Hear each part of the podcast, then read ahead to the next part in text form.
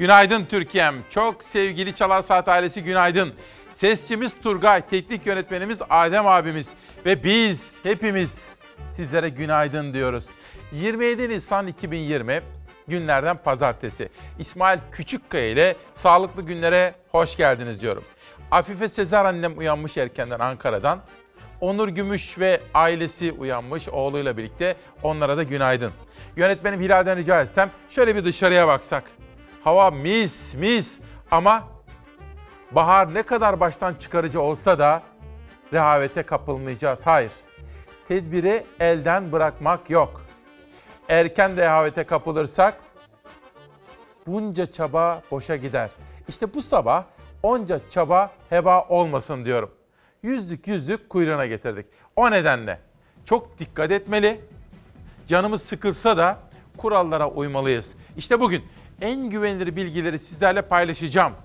Ta Çin'den ve İzmir'den konuklarım olacak. Hem korona hem ekonomi, esnaf, tarım, hayatın içinden müzik, her türlü zenginliğimiz var efendim. Günaydın, hoş geldiniz. Şimdi hiç vakit yitirmeden gazete manşetleriyle haber yolculuğumuza başlıyoruz. Bugün hürriyetle başlıyorum. Çok az kaldı. Aman, aman gevşemeyelim. Rakamlar dün de çok iyi geldi. İyileşen hasta sayısı yeni vakalara üçüncü kez fark attı. Salgını yenmeye çok yaklaştık diyen bilim kurulu üyeleri gevşemek yok, rehavet yok, aynen devam dediler. Hürriyet gazetesi adına Meltem Özgenç korona ile ilgili haberleri takip ediyor. Meltem Özgenç Profesör Doktor Levent Yamanel ile konuşmuş. Ayrıca Profesör Doktor Recep Öztürk ile konuşmuş. Profesör Doktor Kenan Midili ve Profesör Doktor Tevfik Özlü ile röportajlar yapmış ve her birisi de diyor ki şu ana kadar gelmiş olduğumuz yol güzel, umut verici. Biz bu işin üstesinden gelebiliriz ama diyorlar aman aman aman aman gevşemek yok. Çünkü erkenden rehavete kapılırsak bunca çaba boşa gider diyorlar. Bizi uyarıyorlar, doğru söylüyorlar. Biz artık hastalığı belli oranda kontrol altına aldık. Yeni tanılarımız belli bir şekilde düz çiziyor. Hatta azalma başladı ve iyileşen hasta sayımız yeni ortaya çıkan hastalıktan daha fazla. Son 3 günlük tablo Türkiye'nin koronavirüsle mücadelesindeki umudu daha da arttırdı. İyileşen hasta sayısı yeni tanı konan kişi sayısından yine fazla. Bilim Kurulu üyesi Profesör Doktor Ateş Kara da Türkiye pik yani tepe noktayı görmeye çok yakın dedi. Plato dönemini yaşıyoruz. Yani o en tepe noktayı büyük olasılıkla bugünlerde görüyoruz demektir bu. Azalmamız başlıyor çünkü ama onu da azalmanın olduğunu ve bunun da tepe noktası olduğunu söylemek için en azından bir 3 ila 5 güne ihtiyacımız var. 26 Nisan tablosuna göre toplam hasta sayısı 898.742. 99 kişi daha yaşamını yitirdi. Bugüne kadar 2805 kişi koronavirüs nedeniyle hayatını kaybetti. 1776 kişi yoğun bakımda. 883 hasta solunum desteği alıyor. Temaslı sayısı ve temas ortamı azaldığı için 50 bine varan günlük test kapasitemizin 30 bini kullanıldı. Son 20 gün içinde yeni vaka sayısının en düşük olduğu gün bugün oldu. Yoğun bakım desteği alan hastalarımızın sayısındaki azalma devam etti. 26 Nisan tablosunda son 20 gün içinde yapılan en düşük sayıdaki yeni hasta tespiti dikkat çekti, sevindirdi. Ancak bir diğer dikkat çeken nokta test sayısındaki düşüştü. Bakan Koca bu düşüşe temas ortamının azalmasını gerekçe gösterdi son paylaşımında. 24 Nisan'da Türkiye'nin lehine dönen tablo 25 Nisan'da da devam etti, 26 Nisan'da da. İyileşen hasta sayısıyla teşhis konan yeni kişi sayısı arasındaki makas açılmaya devam ediyor. Türkiye'nin tedavi sürecinde izlediği strateji de etkili bu tabloda alınan tedbirlerde. İlaç ne kadar erken başlanırsa etkinliği o kadar yüksek. Tedbirlere uyuyoruz, mesafemizi koruyoruz, maske takıyoruz şu anda olduğu gibi ve bunları sağlayınca da açıkçası yeni ortaya çıkan virüslü insan sayısını da azaltıyoruz. İyileşenlerin sayısı yeni hastalananların sayısından fazla olmaya devam etmeli. Salgın uçağının kazasız belasız piste indiğinden bu makas kilitlenince emin olacağız. Ama biz prensip olarak ölümlerin ve yeni hasta teşhislerinin sıfıra indiği günlerde bile tedbirli olmayı sürdüreceğiz. Bu iyi işaretler evet doğru bizim hepimize huzur versin mi versin. Mutluluk evet doğru. Işık kesinlikle ama bu izolasyon önlemlerimize devam etmemiz gerekliliğinin de altını kesinlikle çiziyor. En azından en azından bir müddet daha tüm bu kurallara sıkı sıkıya uymamız gerekiyor. Bilim Kurulu üyesi Profesör Doktor Ateş Kara da Sağlık Bakanı Fahrettin Koca da tedbiri elden bırakmamak gerektiğinin altını özellikle çizdiler. Bakan Koca tedbirlerin bayramda dahi gevşetilmeyeceğini söyledi. Üç günlük Ramazan bayramında normale dönüşün başlatılması bizim tercih ettiğimiz bir şey değil. Bilim kurulu da bayramı geçirmekten yana. Birkaç haftanın seyrine bakıp bu kararı vereceğiz ama gönlüm bunu yapmaktan yana değil. Önümüzdeki günlerde de biz kurallara uymaya devam edersek yeni tanı sayımız azalacak.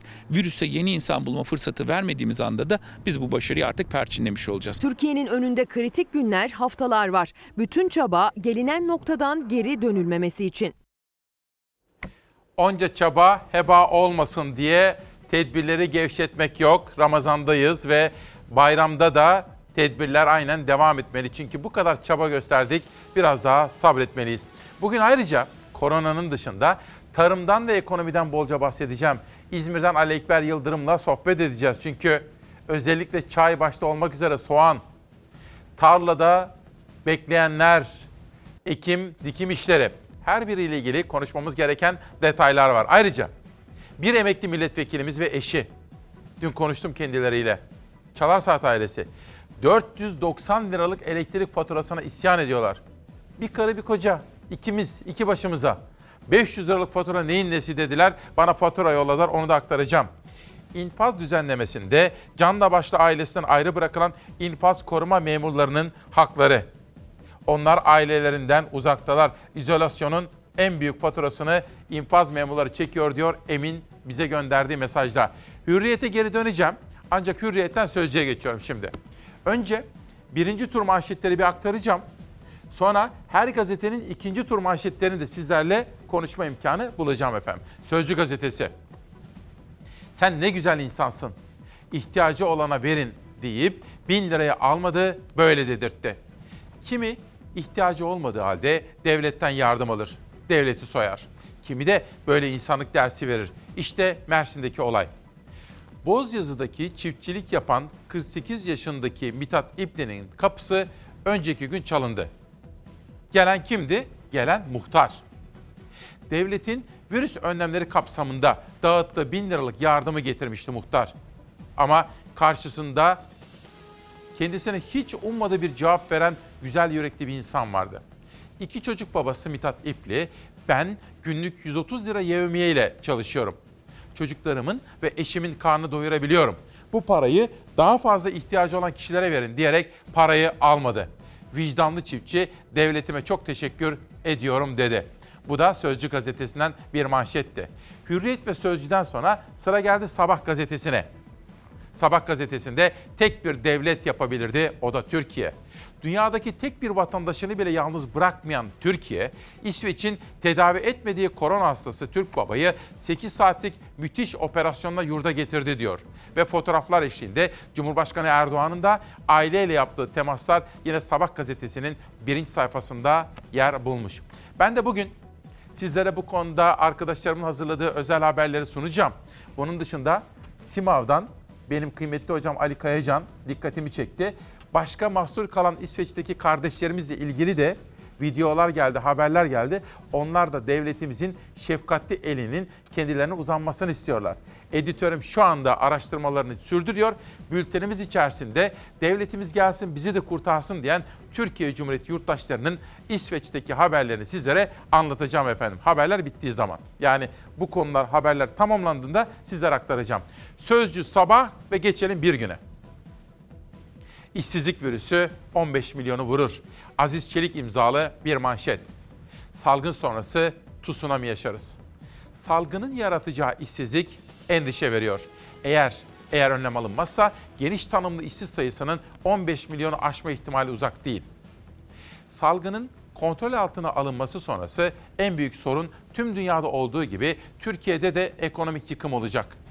Bunun ne düzeyde bir işsizlik yaratacağı, istihdamda ne kadar düşüş yaşanacağı ise kritik soru. Bazı öncü göstergelere bakılarak bir tahmin mümkün. 3 ay süreyle işten çıkarma yasağı ile 1168 liraya mahkum olanlar TÜİK'e göre işsiz sayılmayacak. Bu istatistik bizim için yanıltıcı olacak diyor ve domino etkisi yaratmasın diyor. Bunun tarıma ve ekonomiye, esnafa yansımalarını da işte bugün çok detaylı olarak konuşacağız. Günaydın. Nasılsınız? İyi misiniz? Evlerde canınızın sıkıldığını biliyorum. Biliyorum. Ama dişimizi sıkmamız gerekiyor. Bunca çaba gösterdik. Onca çaba heba olmasın diye devam edeceğiz. Dünyadaki gelişmelere de şöyle bir bakalım. Dünyada da o sıkı önlemler yavaş yavaş kademeli olarak genişletilecek. Daha doğrusu gevşetilecek. Her biriyle ilgili haberleri sizlere aktaracağım. Şimdi günün ikinci manşeti için dünya turuna çıkıyoruz.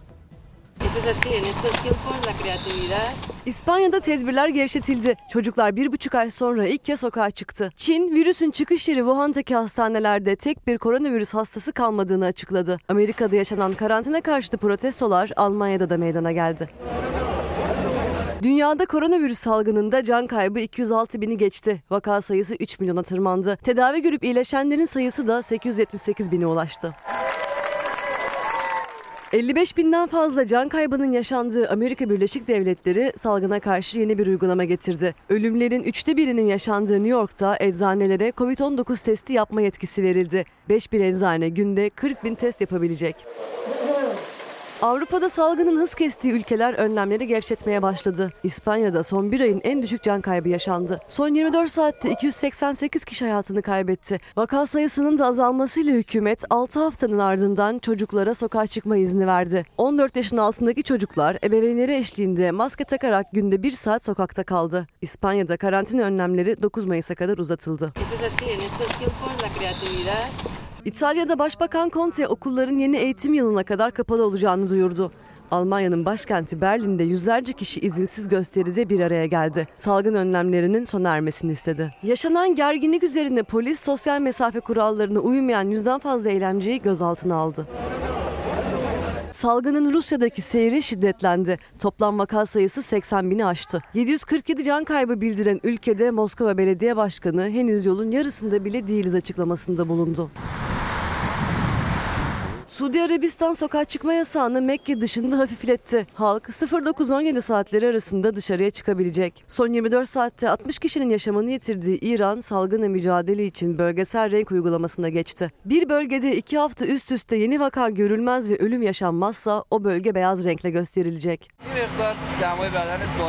242 kişinin hayatını kaybettiği Güney Kore'de salgına karşı önlemler sürüyor. Bir kamu şirketi yeni çalışan almak için açık havada sınav düzenledi. Yüzlerce kişi maske taktı, sorulara sosyal mesafe kuralına uyarak yanıt verdi.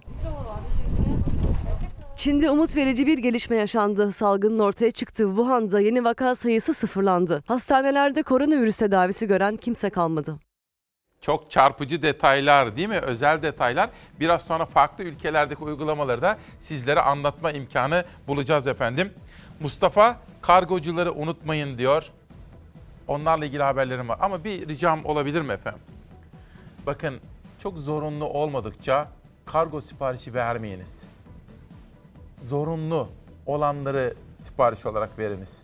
Evinize bugünlerde kılık kıyafet gelmese de olur. Yormayın insanları boş boşuna.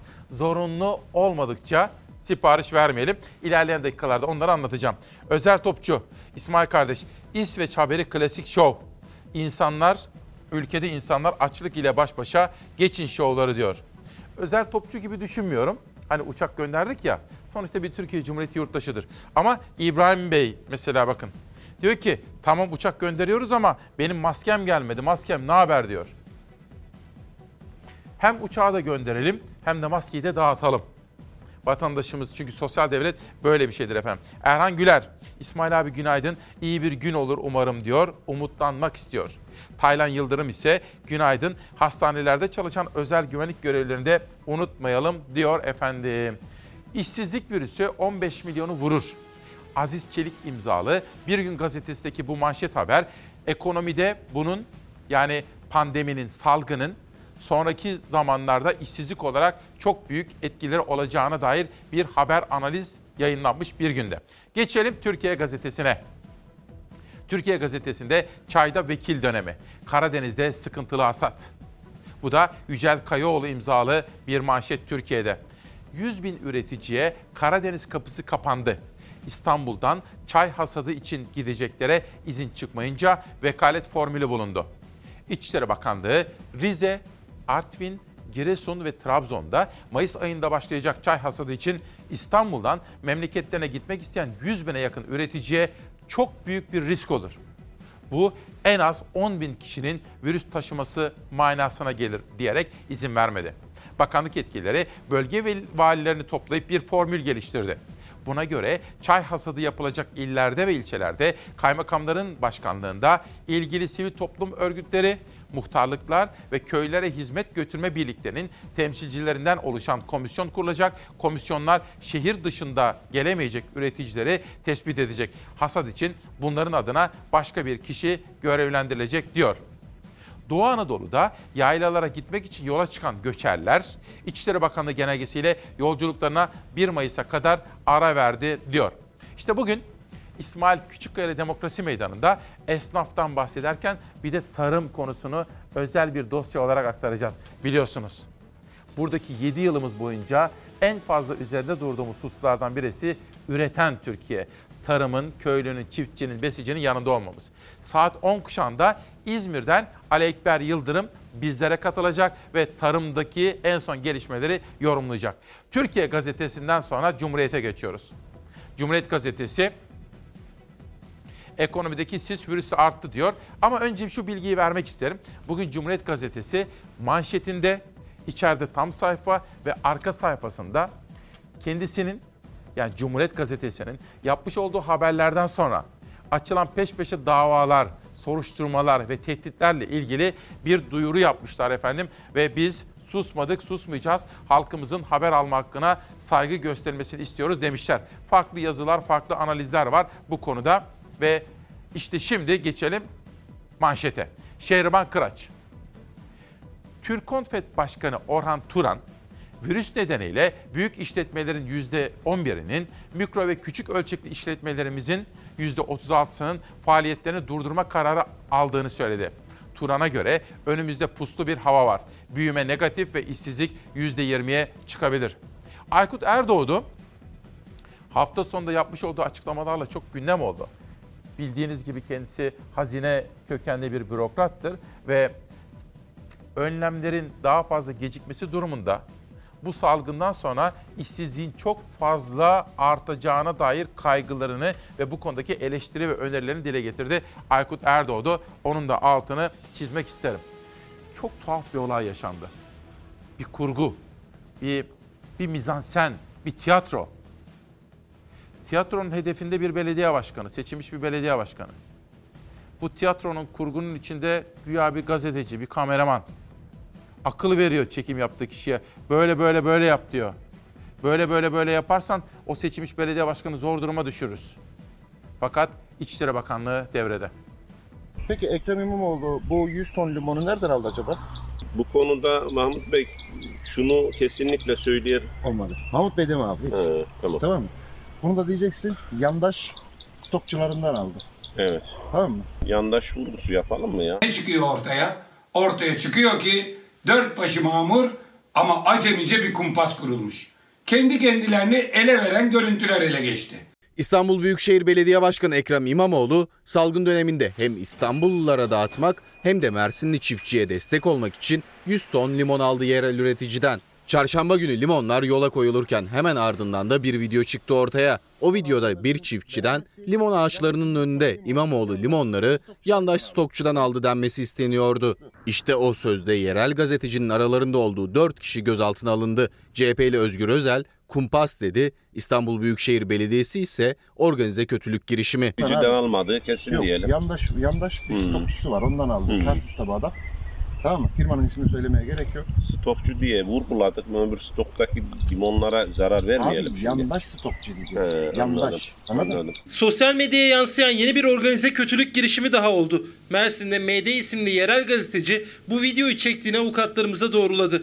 Kendisi ve diğer ilgililer hakkında suç duyurusunda bulunulacaktır. Bu yılki mahsulümüz dalda kaldı. Ekrem İmamoğlu Mersinli üreticinin bu videosunu paylaşarak duyurmuştu oradan limon alınacağını. Çarşamba günü de Mersin Büyükşehir Belediyesi aracı oldu. 100 ton limon İstanbul'a doğru yola çıktı. Ancak kısa süre sonra bir başka üreticinin konuştuğu bu video gündeme geldi. Videoda söylemesi gerekenler üreticiye tek tek anlatılıyor. Fazla uzatmayacağız bunu kısaltacağız tamam mı? İşte 100 ton limon aldığını söylüyor. Çiftçilerden aldığını söylüyor. Bizden herhangi bir limon talebi olmadı. Zaten limon dalda bitti şu anda. Ee, Ekrem İmamoğlu 100 ton limon aldığını dün beyan etti. Yalnız bu 100 ton limon yandaş stokçularından aldı. Tamam. Röportaj yapmaya çalışan sözde gazeteci Mahmut D. Çiftçi olarak konuşan da eski AK Parti Erdemli ilçe yöneticisi Ömer T. Tüm bu anları kaydedip yayınlayansa Demokrat Parti Erdemli eski ilçe başkanı Emrah T. Ve bir kişi daha gözaltına alındı. Bu konuda e, amacın üreticinin e, ürünü değerlendirmek değil de şov yapmak olduğunu da anlayabiliriz. Harika. AK Partili olsun olmasın hiç ilgilenmiyoruz. Ama bu işin üstüne kim atlamış?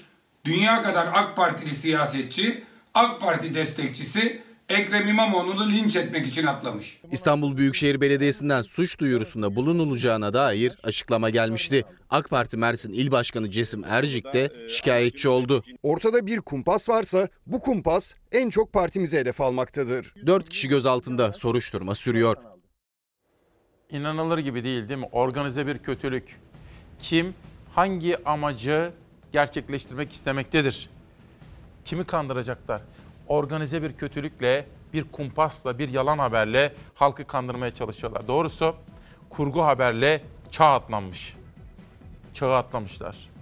Ayşen hani az evvel bir kardeşimiz diyordu ya devletimiz uçağını göndersin güzel ama benim maskem gelmedi diyordu. Ayşen Hanım da Sayın Küçükkaya az önce İsveç'e uçak göndereceğine maske gelmedi diyen vatandaşımız için bunu iletir misin?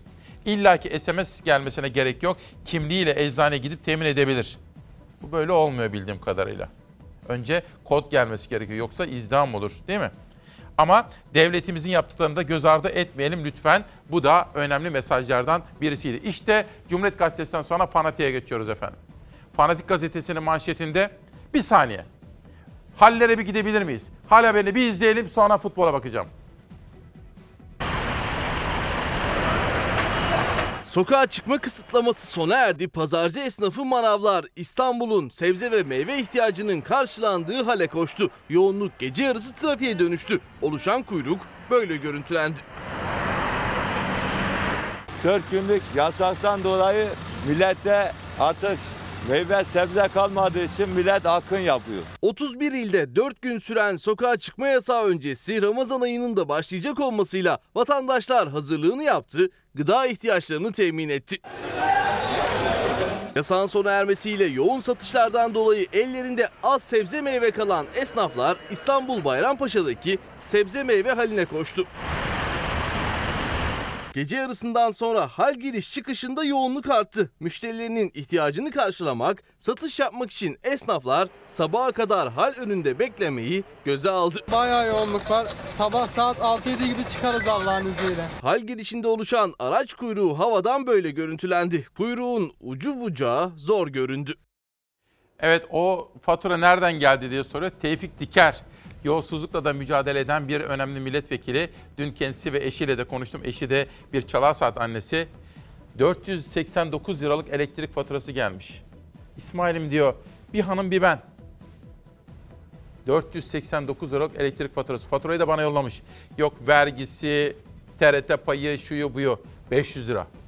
Biraz sonra yerel gazetelerde de bunu yapacağım. Yeni Asır gazetesinden Tigris'e yani İzmir'den Diyarbakır'a gideceğim. Bugün kitaplarda da böyle bir tesadüf ortaya çıktı. Ahmet Diker, Direnişten Dirilişe Kafsin Kaf destanını yazanlar. Karşıyaka'ya bir selam gönderelim. İsmail Hakkı İç'ten Anılarla Diyarbakır ve Diyarbakır Spor. Bu da yeni çıkan kitaplardan biri. Onları da tanıtma imkanı bulacağım. Fanatik Gazetesi bugün acaba ligler nasıl tamamlanacak bu sorunun yanıtını aramış ve bilim kurulu üyesi Profesör Doktor Ateş Kara ile görüşmüşler. Süper Lig'in geleceğiyle ilgili Fanatik'e önerilerini sundu. Tek merkezde oynanabilir, bir haftaya açıklayabiliriz diyor. Hoca diyor ki, durumumuz iyiye gidiyor. Liglerin geleceğiyle ilgili 7 ila 10 gün arasında kesin bir şey söyleyebiliriz. Maçlar seyircili olacaksa herkes stada tek tek alınmalı. 1-3 bin kişi olabilir bir eksiklikte zincir kırılır. Seyircisiz oynanacaksa kimse olmayacak. Sadece futbolcular, hocalar ve zorunlu ekipler, yönetici dahi maçlara gelmeyecek diyor efendim. Liglerin tek bir şehirde oynanması ideal olan. Mesela Antalya diyorlar ya bugünlerde böyle manşetler var. Ama önce oradaki insan hareketliliğini görmek gerekir. Mesela Antalya deniliyorsa eğer o dönemde orada turist olacaksa bu kesinlikle riskli olur diyor efendim. Sporcular lig başlamadan 14 gün önce teste girmeli. Bir takım bir otelde, bir oyuncu bir odada kalmalı diyor Mertcan Polat. Bence önemli bir habere imza atmış bu sabah. Bugün hani dedim ya İsmail Küçükkaya Demokrasi Meydanı'nda korona ile mücadele manşetlerini konuşacağız. Ama tarımı da, üreticiyi de konuşacağız. Esnafı da ihmal etmeyeceğiz. Bir de siz söyleyin bana başka bizim hangi konularda hassasiyetimiz vardır? Tabii canım kadınlar, anneler var bunun dışında. Bir de bizim için çevre. Mesela bugün Meke Gölü kurudu. Mesela İzmir Körfezi ile ilgili haberler aktaracağım. Mesela Yunuslar geldi. Nerelere geldi? Her biriyle ilgili haberleri de sizlere aktaracağım. Bir de ha bir dakika bir dakika. Kars haberi var. Hilal Kars haberine bir alır mısın? Ardahan Belediye Başkanı bir satranç yollamış. Bütün Ardahanlılara. Demişler ki evde kalın. Evde kalırken de satranç oynamayı ihmal etmeyin demiş Ardahan Belediye Başkanı. Bu da aklıma geldi. Şimdi bir çevre haber için sizleri Serhat kentimiz Kars'a götürüyorum. Görüyorsunuz değil mi rezilliği? Hiç kimse mi sesimizi duymaz? Hani dün gece bile canımızı zor kurtardık. Tapulu yerlerimizde şu anda mahkemelik olan yerlerimizden kendimizi çıkardılar. Hiçbir hakkımız yok. Arabada yatıyorum. Çoluk çocuğum hayvanlarım orada. Çoluk çocuğum da orada. Günler ilerledi. Baraj suları bir evle bir tarlayı daha yuttu. Kamulaştırma bedelinin ödenmediğini öne süren köylüler Cumhurbaşkanı Erdoğan'a seslendi. Cumhurbaşkanımız bu olayları hiç duymuyor mu? De çıkma yasağı var. Bizi su altında bıraktılar. Suyu bağladılar. Hiçbir şeyimizi ellemeden düştüğümüz durum. Evimiz, barkımız, hayvanlarımız hepsi sular altında. Can güvenliğimiz bile yok ne kurtarmaya çalışırsak. Burası Kars'ın Sarıkamış ilçesine bağlı Karakurt köyü. Köye yapılacak baraj ve hidroelektrik santral için 6 yıl önce acil kamulaştırma kararı verildi. Yıllar hızla geçti, inşaatlar bitti. İddiaya göre geçen süre içinde köyün sadece yarısını ödeme yapıldı. Biz parasız pulsuz nereye gideceğim? 30 tane nüfusum var. Baraj su tutmaya başlamadan önce köyün boşaltılması için 15 gün süre tanındı. Köylüler evlerini terk etmeyince jandarmayla gerginlik yaşandı. Burada biliyorsunuz yıllardır karakolumuz var, jandarma karakolu. O dahil hepsi suyun altında kalacak. Şu an suyun altında. Direğin orada parasını almadım. Şu an mağdurum. Hayvanlarım dışarıda. Evim yok. Ben bunu Sayın Valimizle görüştüm, konuştum. Sizlerin kalması için geçici yer ayarladık. Şu an eşyalarımızı bile zor taşıyoruz. Şuraya bakın. Hiç böyle bir şey gördünüz mü?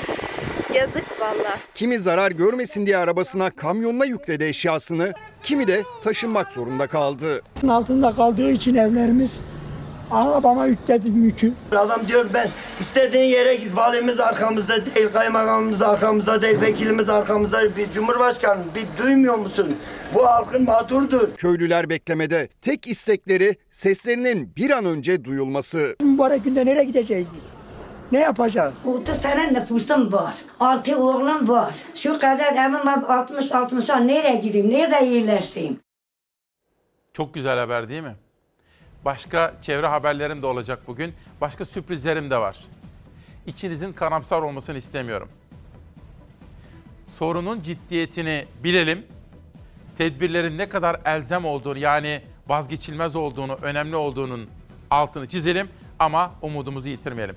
Sosyal medyaya baktığım zaman Armağan Çağlayan, ben de böyle düşünüyorum. Korona pandemisinin yani salgının öğrettiği en önemli şey bilimin üstünlüğü oldu. Umarım herkes bilimin gücünü öğrenmiştir. Aynen böyle düşünüyorum. Koronavirüs Bilim Kurulu üyesi ve Kayseri Şehir Hastanesi Başhekimi Profesör Doktor İlhami Çelik, Haziran'da normal hayata dönülebileceğini düşünüyoruz. Ama tedbirleri sıkı sıkıya uygulamayı sürdürürsek. İzzet Çaba. Bilim Kurulu üyesi Alpay Azap'tan alıntı yapmış İzzet Çapa. Virüste mutasyon dediğimiz bir değişiklik olmazsa ya da Türkiye'de bulaşma hızında bir değişiklik olmazsa sanki Haziran ayında en azından son sınıflar açılabilir ya da üst sınıflar açılıp hızlandırılmış bir şekilde eğitim yılı tamamlanabilir. Dün Esra Öztürk aradı. Bir çalar saat annesidir. Yanında eşi de vardı, vardı Fatih Öztürk. Başka bir konuyla ilgili konuşuyorduk da ben de eğitimi sordum Fatih Öztürk'ü hazır bulunca. Bilmiyorum Milli Eğitim Bakanlığı farklı senaryolar üzerinde duruyor ama dedi şahsi kanaatim bu sezon kolay değil artık diyordu Fatih Öztürk bilemiyorum. Dediği gibi kendisinin Milli Eğitim Bakanlığı farklı seçenekleri değerlendiriyor. Geçelim. Mehmet Ali Güller. Soru. Doğalgaz neden Avrupa ülkelerine göre pahalı? Enerji Bakanı bu soruya ticari sır diyerek yanıt vermedi.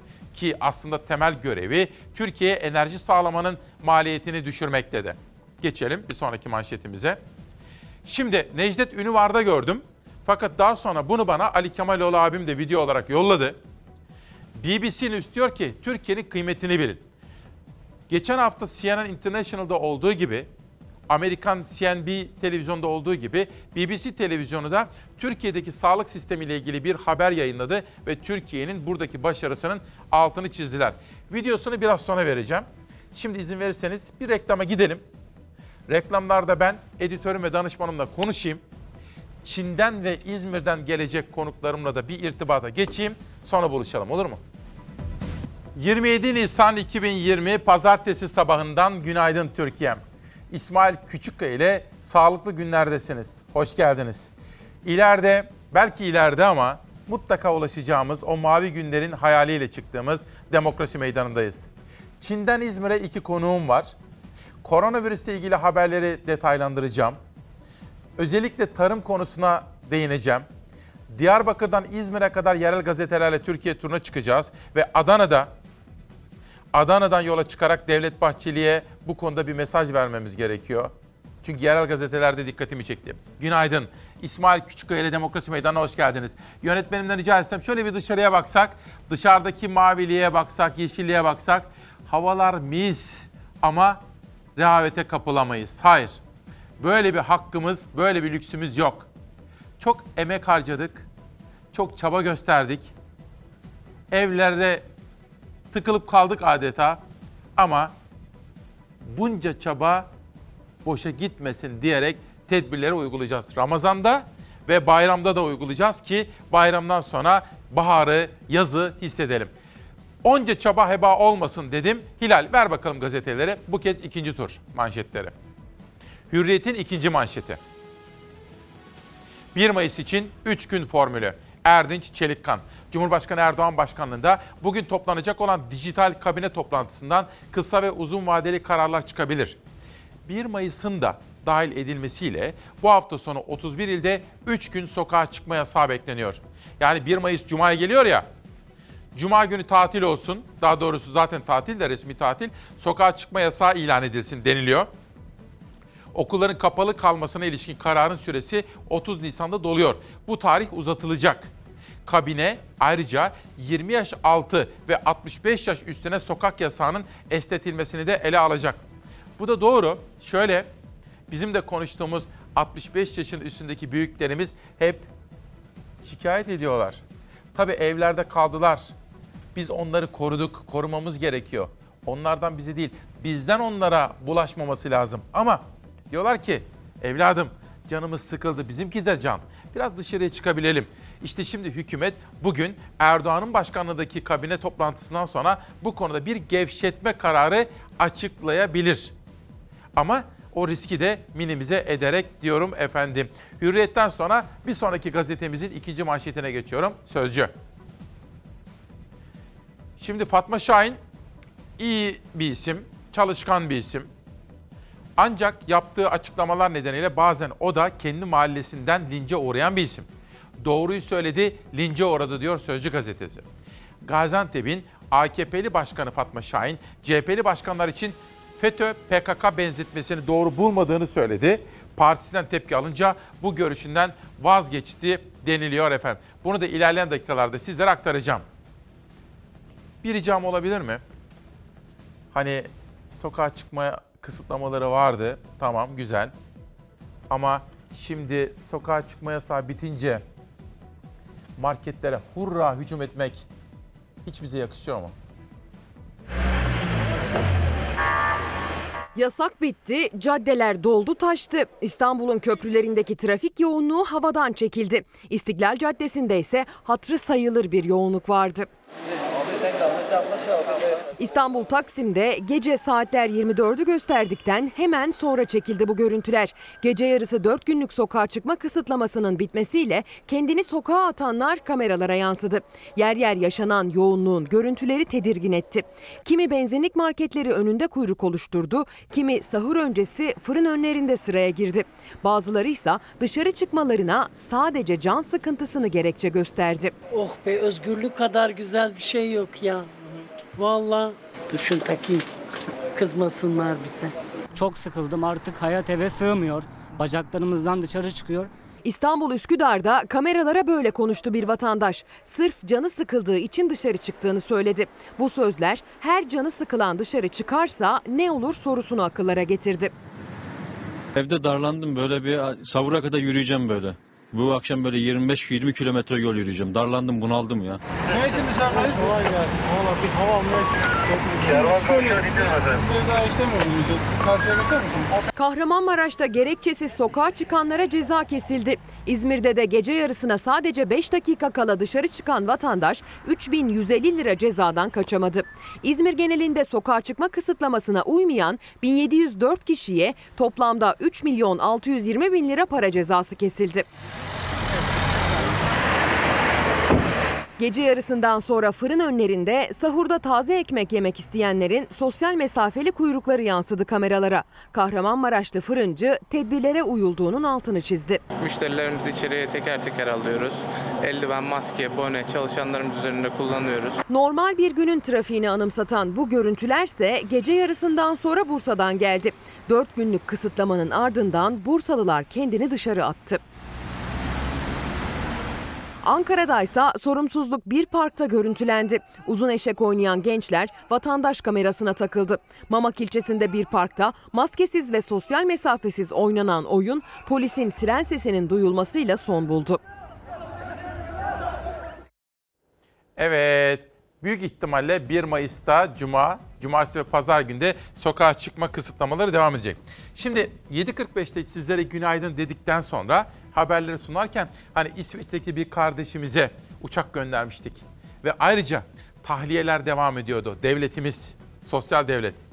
Övünsek, ne kadar övünsek azdır demiştik. Ama eleştirenler de vardı. Maskem gelmedi evladım diyordu.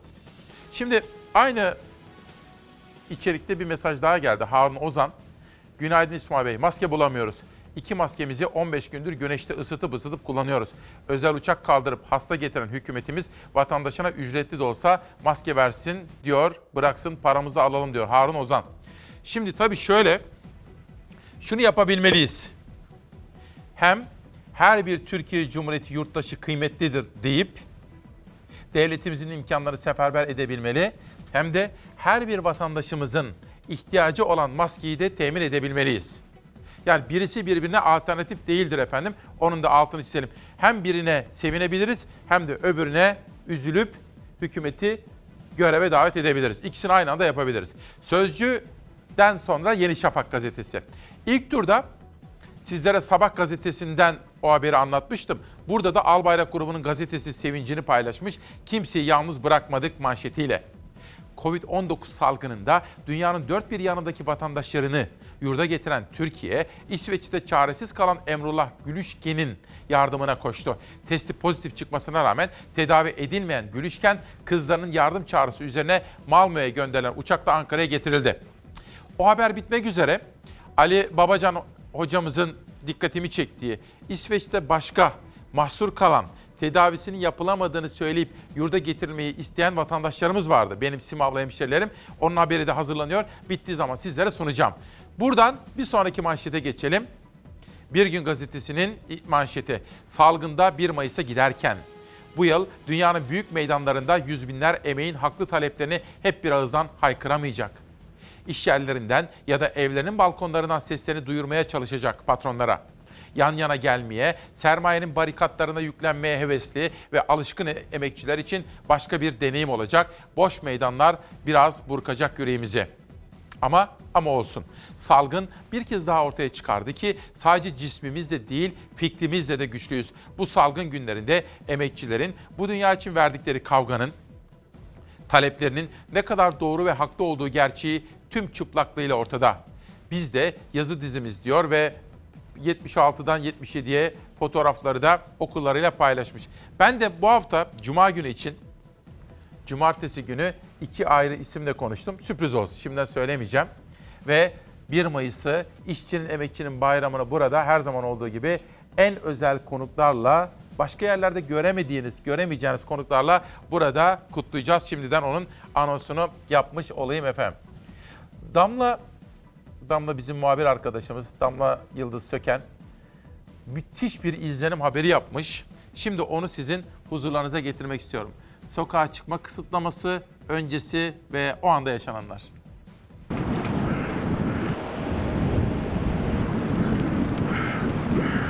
Sokaklar boştu, denizler yunuslara kaldı. 30 büyük şehir ve Zonguldak için bu hafta en uzun sokağa çıkma yasağı uygulandı. 4 günlük sokağa çıkma yasağının son gününde de denetimler sıkıydı. 20 yaş altı sigorta. Arkadaşın kimliğini verin bir idari işlem yapacağız size. 31 ilde sokağa çıkma yasağı bu hafta 96 saatliğine ilan edildi. Dördüncü ve son günde polis ekipleri denetimleri yine havadan dronlarla karadan oluşturdukları güvenlik noktalarıyla sağlıyor. Geçen araçlar durduruluyor ve evrakları soruluyor. Kimi zaman kontrollerde zorluk çıkaranlar oldu. Adıyaman'da sokağa çıkan kişiye bir bekçi kimlik sordu. Abdullah E. Bekçi'ye biber gazı sıktı. Su yok mu ya? Saldırgan polis tarafından yakalandı, gözaltına alındı. İstanbul'da da sokağa çıkması aslında 7 gün 24 saat yasak olan çocuklar dışarıdaydı. Top oynarken görüntülendiler. Sokağa çıkma yasağı işte böyle uygulanıyor. 155'e ihbar ettim. Bazıları da polis sireni duyunca böyle saklandı. Çık kanka gidiyor gidiyor. Gitti mi? Gitti. Ataşehir'de de iki genç pide almak için evden çıktıklarını söyledi polise ama adreslerine çok uzak bir yerdeydiler. 1050'şer lira ceza kesildi. Kimlik alalım ya. Abiye de gösterdim. Bende fotoğrafı var. Kimliğimin fotoğrafı var. Yasağa uyan evde kalanlarsa vakit geçirmenin yollarını arıyor. Birçok evin balkonu sera alanlarına döndü. Domates, biber, patlıcan, e, nane, e, çilek bütün sebzeleri almaya başladık. Bu e, işi herhalde daha çok büyütmeyi düşünüyoruz. Sulamak güzel, çiçeklerle, bitkilerle uğraşmak güzel. Tekirdağ Çorlu'da da gazete satıcısı evden çıkamayanlar için dışarıdaydı. Ses sistemi kurdu motosikletine, sokaklarda marşlar çalarak gezdi. Sokağa çıkmanın yasak olduğu illerden biri de Zonguldak. 26 gündür ildeki semt pazarları kapalıydı. Yeni haftada birer gün arayla Soğuk Su semtinde pazar kurulmasına karar verildi. Son hazırlıklar da tamamlandı.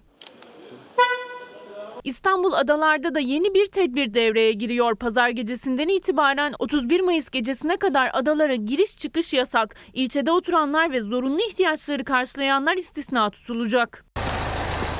Ramazan boyunca kurulan iftar çadırları da koronavirüs tedbirleri kapsamında bu sene kurulamıyor. Belediyeler ihtiyaç sahiplerinin iftar yemeklerini evlerine teslim ediliyor. Oruçlar hep birlikte olmasa da aynı duayla, sağlık dileğiyle açılıyor. Hayırlı Ramazanlar. Buyurun.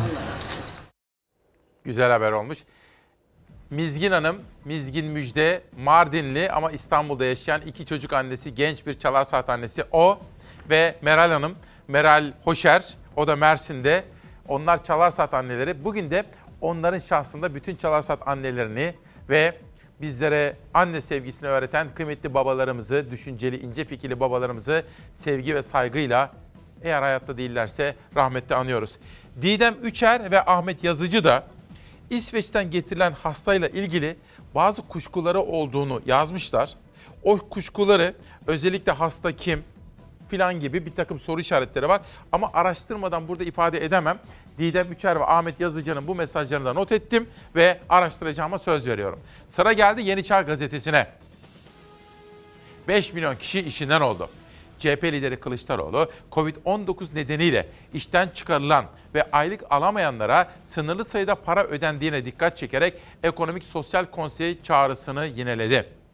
İşsizlik ve yoksullukla mücadele önerilerinin dikkate alınmadığını söyleyen Kılıçdaroğlu, şu ana kadar yapılanlarında merhem olmadığını savunarak aile yardımları sigortası çıkarılmalı dedi. Kılıçdaroğlu bir süredir yaptığı bütün açıklamalarıyla bu salgın nedeniyle ortaya çıkan ekonomik faturanın büyüklüğünü, işsizliğin ve yoksulluğun arttığını söylüyor ve hükümetin her türlü imkanı seferber ederek ekonomiyi rayına koyması, sosyal kesimleri desteklemesi gerektiğini söylüyor CHP lideri. Bir detay daha gelsin. Vatandaş sıkıntıda KDV sıfırlansın. İyi Partili Fahrettin Yokuş, Ramazan'da artan fiyatları hatırlatarak açsız ve işsiz milyonlar için hükümete bu çağrıda bulundu. Bu dönemde KDV sıfırlanarak fiyatlarla ilgili böyle bir düzenleme yapılabilir dedi efendim. İlk turda önce hatırlayacaksınız yurdumuzdan korona haberlerini sizlere aktarmıştım. Hemen peşine dünya haberlerini sunmuştum. Şimdi de Beyza Gözük ülke ülke haberlerini hazırladı. Onlardan ilkiyle başlayalım. Bu krizde en hazırlıksız yakalanan, aslında büyük bir süper güç olmasına rağmen vatandaşına sağlık hizmeti vermekte büyük sıkıntılar yaşayan Amerika Birleşik Devletleri. Şimdi hep beraber Amerika'ya gidiyoruz. No, I don't agree with him on that. No, I think we're doing a great job in testing. Amerika'da Covid-19 testi tartışması büyüyor. Trump hem valilerle hem de Beyaz Saray Sağlık Danışmanı Anthony Fauci ile karşı karşıya gelmeye devam ediyor. Basın toplantılarında tepki çeken açıklamalarda bulunan Amerika Başkanı'na danışmanlarından uyarı geldi. Önemli bir bilgi yoksa Trump'ın açıklama yapmamasını istediler. Amerika koronavirüs salgınından darbe almaya devam ediyor. Artan vaka ve can kayıpları endişeleri beraberinde getirirken işsizliğin de tırmanması iplerin gerilmesine neden oldu. Ülkede işsizlik 26 milyon kişiyi etkiledi. Ticari işletmelerin kapalı olduğu Amerika'da artan protestolar sonrası birçok eyalet tedbirleri gevşetti. Amerika'da bugüne kadar yaşanan can kayıpları 55 bini geçti. New York'ta eczanelere de Covid-19 testi yapma yetkisi verildi. Sadece eczanelerin günde 40 bin test yapması bekleniyor. Beyaz Saray Sağlık Danışmanı Anthony Fauci test kapasitesini yeterli bulmadığını açıkladı. Potansiyelimizin altındayız dedi. Bugüne kadar 4 milyon kişiye test yapılan 330 milyon nüfusluk ülke Başkan Trump'a göre test konusunda çok ileride. As I've said many times, we're very advanced in testing. Other countries are calling us to find out what are we doing. Her gün basının karşısına çıkan Trump tepki topladı. En son toplantısında dezenfektanların virüsü öldürdüğünü öne sürerek bunun ilaç gibi kullanılıp kullanılmayacağını sorması tartışma yarattı. Bilim dünyasını ayaklandıran açıklama sonrası Trump ciddi olmadığını, kinaye yaptığını açıkladı. Danışmanları ise başkanın önemli bir gelişme olmadığı takdirde kürsüye çıkmaması tavsiyesinde bulundu. I see the disinfectant where it knocks it out in a minute, one minute. And is there a way we can do something like that uh, by injection inside or or almost a cleaning? I would like to explain what the president was trying to say. Trump açıklamaları sonrası alay konusu oldu. Dünya ünlü oyuncu Brad Pitt Amerika başkanını tiye aldı. Beyaz Saray Sağlık Danışmanı Anthony Fauci'nin kılığına giren oyuncu Trump'ın açıklamalarına açıklık getirmeye çalıştı. It's like a miracle, it will disappear. A miracle would be great. Who doesn't love miracles? But miracles shouldn't be plan A. Salgının en sert etkisini gösterdiği New York'ta 17 bin kişi hayatını kaybetti. Haftalardır New York valisiyle Trump arasında süren anlaşmazlık, valinin Beyaz Saray'a gelmesiyle şimdilik sona ermiş gözüküyor. Vali Cuomo, Trump'la görüşmesinin olumlu geçtiğini ifade etti. Başkanın çözüm için hevesli olduğunu söyledi. Görüşmeden birkaç gün sonra ise New York'ta eczanelere de test yapma yetkisi verildi. Bu açıklamaları görünce acaba Amerika'da birileri ABD Başkanı Trump'ın sözünü dinlerler mi? Yani o dezenfektan mesela çamaşır suyu falan içebilir mi? İnsan aklına geliyor değil mi? Amerika'da şu ana kadar böyle biri çıkmadı. Ama bir soru. Bilin bakalım hangi ülkeden çıktı? Yani çamaşır suyu ya da dezenfektan içen hangi ülkeden çıkmış olabilir? Hadi söyleyin bana. Bu arada az evvel gazeteci arkadaşımız Bülent Mumay'ın bir paylaşımını gördüm. Bakın Bülent Mumay. Adana'da ücretsiz ekmek dağıtan 3 kişiye gözaltı. Bugünleri de gördük.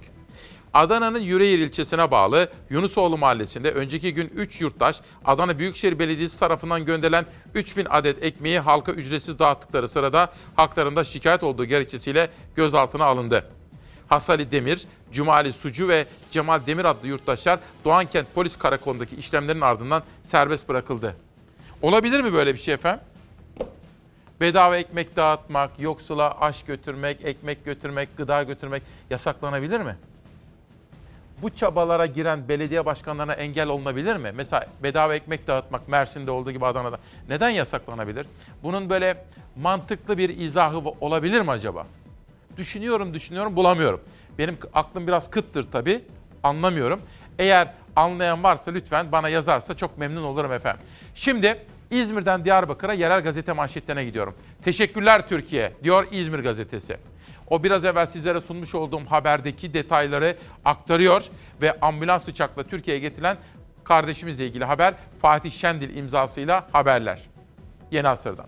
Buradan Diyarbakır'a geçiyorum. Tigris gazetesi esnaf kirasını ödeyemedi. Diyarbakır'da yapılan bir ankete esnafın koronavirüs sürecinde nasıl etkilendiği mercek altına alındı.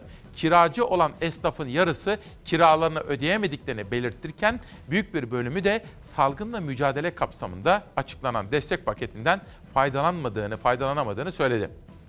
Şimdi İzmir, Diyarbakır derken bir de Karadeniz'e gidelim. Halk Gazetesi Samsun. Virüs artı Ramazan fiyatları uçtu. Koronavirüsü nedeniyle köylü pazara inemedi. Sokağa çıkma yasağı nedeniyle marketler boşaldı. Bir de Ramazan'a girince fırsatçılara gün doğdu, gıda fiyatları uçtu diyor.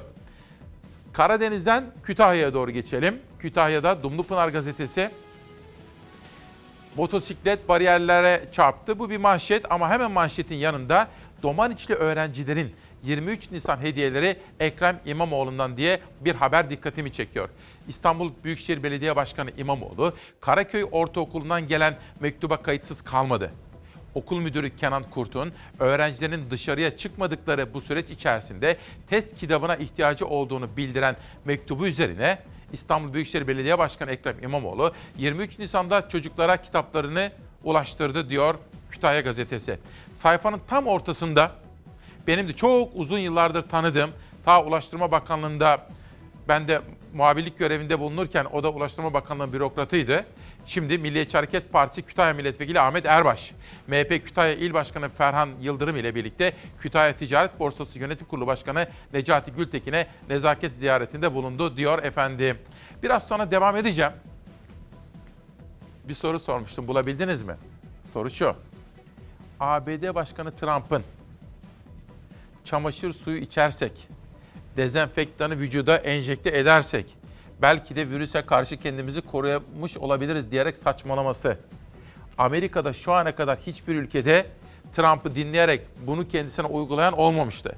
Ve sormuştum. Acaba hangi ülkeden kim çıktı demiştim. Bakalım kim çıkmış kremi özellikle elime yediriyorum. Derimizin örtücü keratin tabakası var. Ne yazık ki bu temizleyicilerin içindeki alkolle bu tabakada hasarlanmaya başlıyor. Koronavirüs salgını yüzünden eller sık sık ya kolonya ya da dezenfektanla temizleniyor. Alkol bazlı bu temizleyiciler derinin üzerindeki koruyucu tabakaya zarar veriyor bir tür cilt hastalığı olan egzamaya yol açıyor. Üstelik önlem alınmazsa bu rahatsızlık tüm vücuda yayılabiliyor. Elde egzaması kronikleşmeye başladığında gerekli önlemler alınmıyorsa ve tedavi de gecikiyorsa bu sefer ellerden kollara, boyna ve gene yüze yayılım görülebiliyor. O yüzden önce önlemek gerekiyor. Koronavirüs salgını nedeniyle evet el temizliği arttı ama bunun yanında temizlik ürünlerinin kullanımı da arttı. Bütün bu ürünlerin aşırı kullanımı da tıpkı dezenfektanda olduğu gibi vücut derisinde tahrişe yani egzamaya yol açıyor. Önce kendini e, kızarıklık hassasiyet olarak belli ediyor. Daha sonra e, kuruma ve kabuklanma gelişiyor.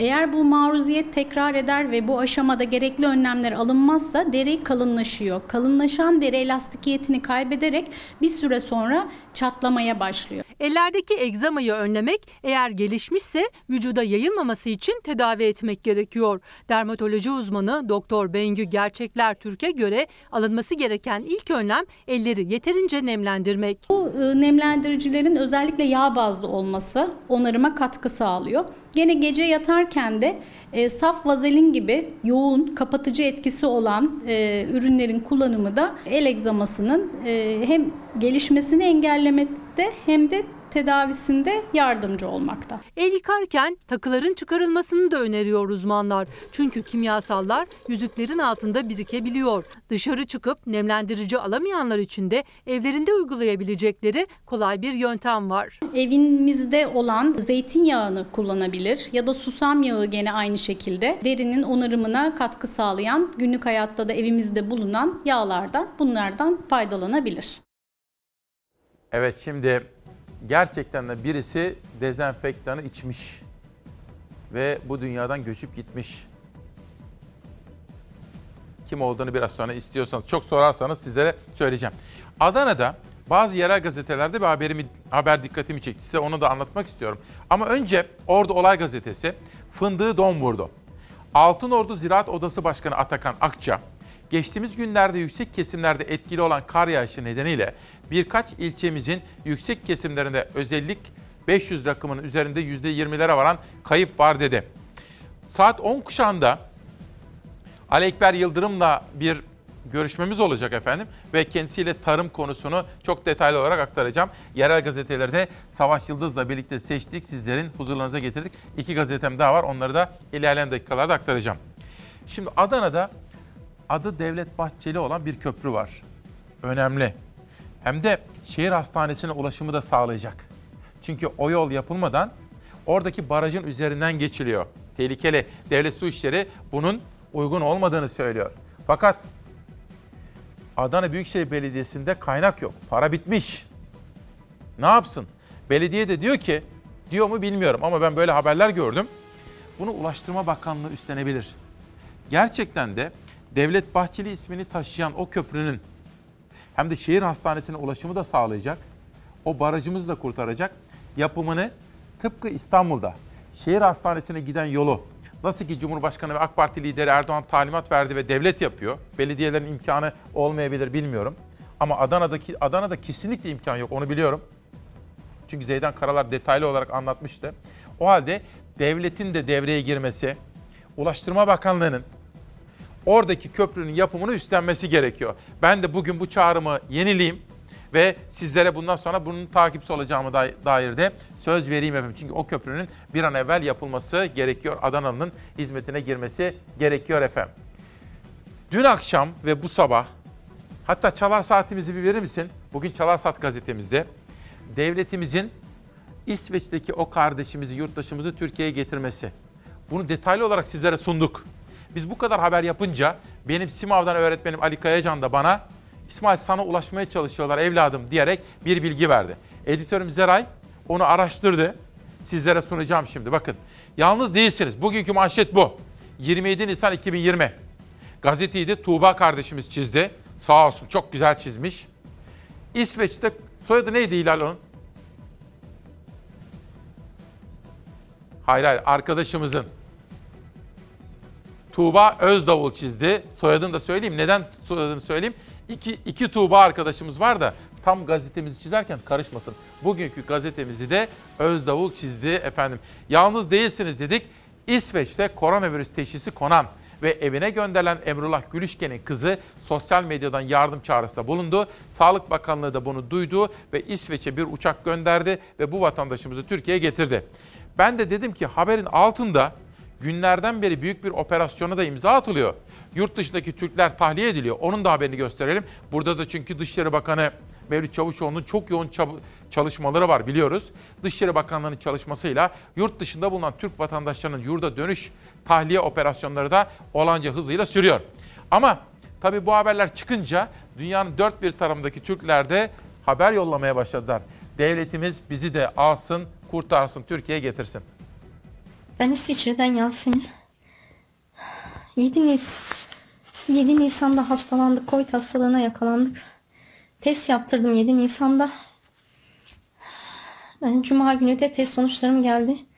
Pozitif çıktı. Kardeşim benimle yaşıyor. 37 yaşında. Ben 43 yaşındayım. Tam 3 haftadır bu hastalığı çekiyoruz ailece. 2 tane çocuğum var. 3 odalı evdeyiz. Halimiz çok zor. ilgilenen yok, bakan yok. Ciğerlerim bronşit hastasıyım. Kaç defa dört defa hastaneye gittim. Sadece bir gece yatırdılar. Onu da bir şeyin yok deyip gönderdiler. Çocuklarım bir yerde yatıyor. Ben bir yerde yatıyorum. Kardeşim bir yerde yatıyor. Sürekli hava alıyorum. Leyla Twitter'dan kendini video çekmiş. Leyla'nın sesi bizim de sesimiz olsun Allah'ım. Yalvarıyorum Fahrettin Koca. Bakanım ne olursun yalvarıyorum bizi götürün. Bu vatandaşımızın, kardeşimizin de takipçisi olalım. Efendim Çin, bu virüsün çıktığı yer, yayıldığı yer acaba son durum ne? Bence bize bilgi verebilir. Hafta sonunda düşünüyordum kimleri kimleri ağırlasak çalar saatte bu hafta diye. İşte 1 Mayıs için sizlere anonsumu yaptım. Sürprizler var. Yarına bir başka sürprizim var. Ama bugün önce Çin'e gideceğiz. Cenk kardeşimiz Çin'de. Günaydın ama günaydın mı acaba? Çin'de saat kaç acaba? Merhaba. Merhabalar. Şimdi öğleden sonra oldu İsmail Küçükkaya burada. Bizim için tünaydın diyelim. Peki. Merhabalar. Şimdi önce kısaca sizi tanıyabilir miyim? Ee, Ben 9 yıldan fazla süredir e, Pekin'de, Çin'in başkenti Pekin'de yaşıyorum. Gazetecilik, editörlük yapıyorum. Hem freelance muhabirlik yapıyorum hem de e, Çin medyası için editörlük yapıyorum. Onun yanında e, daha önce de yaptığım işler gereği seslendirme işlerine, program yapımcılığı işlerine katılmıştım. Medya mensubuyum diyebilirim İsmail Bey. Peki şimdi neler yaşıyorsunuz orada? Başlangıcından itibaren şöyle bir özetler misiniz? Çünkü bize önemli dersler verebilir, önemli dersler çıkarabiliriz Çin tecrübesinden. Evet Ocak başı itibariyle e, bir panik havası hakimdi. Sonuçta ne olduğu bilinmiyordu. E, gizemli virüs diye biz de haberlerini o şekilde duyurmaya çalışıyorduk biliyorsunuz. E, daha sonra ise e, ocağın sonuna doğru artık yani 23 Ocak itibariyle özellikle e, Wuhan'da karantina oldu. E, Pekin'e artık her gün bizim de telefonlarımıza e, flash haberler düşüyordu. Olayın gidişatını biraz daha kavramaya başlamıştık o dönemde. E, bu da tabii ki e, bir yandan paniğimizi arttırıyordu ama bir yandan da e, ne olduğuna dair bir fikir edinmeye başlamıştık. Yani bu gizemli virüs nedir? E, artık ismi konmuştu koronavirüs diye. Fakat tabii hala çok büyük belirsizlikler vardı. E, ve evlere kapanmaya başladık. Zaten o dönem öncelikle e, bayram tatiliydi içinde. Böyle bir e, durum vardı. O yüzden zaten evde olmamız gerekiyordu.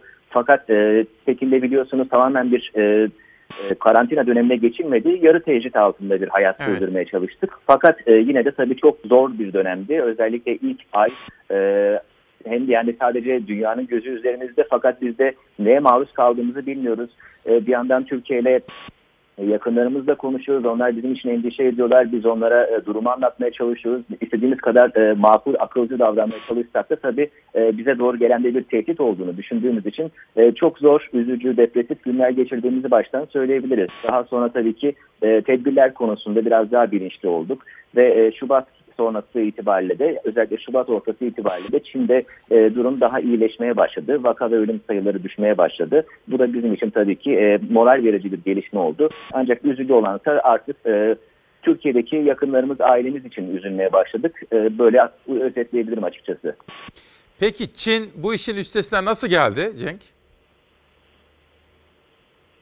Ee, biliyorsunuz Ocak 23 Ocak itibariyle öncelikle e, salgının merkezi olduğu düşünülen kentte Wuhan'da e, ta- tamamen bir karantina uygulandı. E, daha sonra da e, Hubei eyaletinin yani onun bağlı olduğu eyalette e, karantina uygulandı ve e, diğer bütün ülkede aslında çok sıkı tedbirlere geçildi. Karantina e, tedbirleri çok sıkıydı zaten. Onun haricinde e, Pekin'de, Şangay'da, büyük şehirlerde e, yarı tecrit durumunda da çok sıkı tedbirler vardı. E, dijital teknolojilerin kullanımı çok e, yaygındı e, bu süreçte tabii ki. E, bu yani dijital teknolojileri kullanarak da e, şu an mesela e, sağlık kodu uygulaması var Çin'de. Vatandaşlara sağlık kodu veriliyor ve e, hala bile e, artık hani durumu iyileşiyor dememize rağmen artık nereye gitsek hala e, çok sıkı şekilde e, kimlik kontrolü, ateş ölçme gibi e, tedbirler var.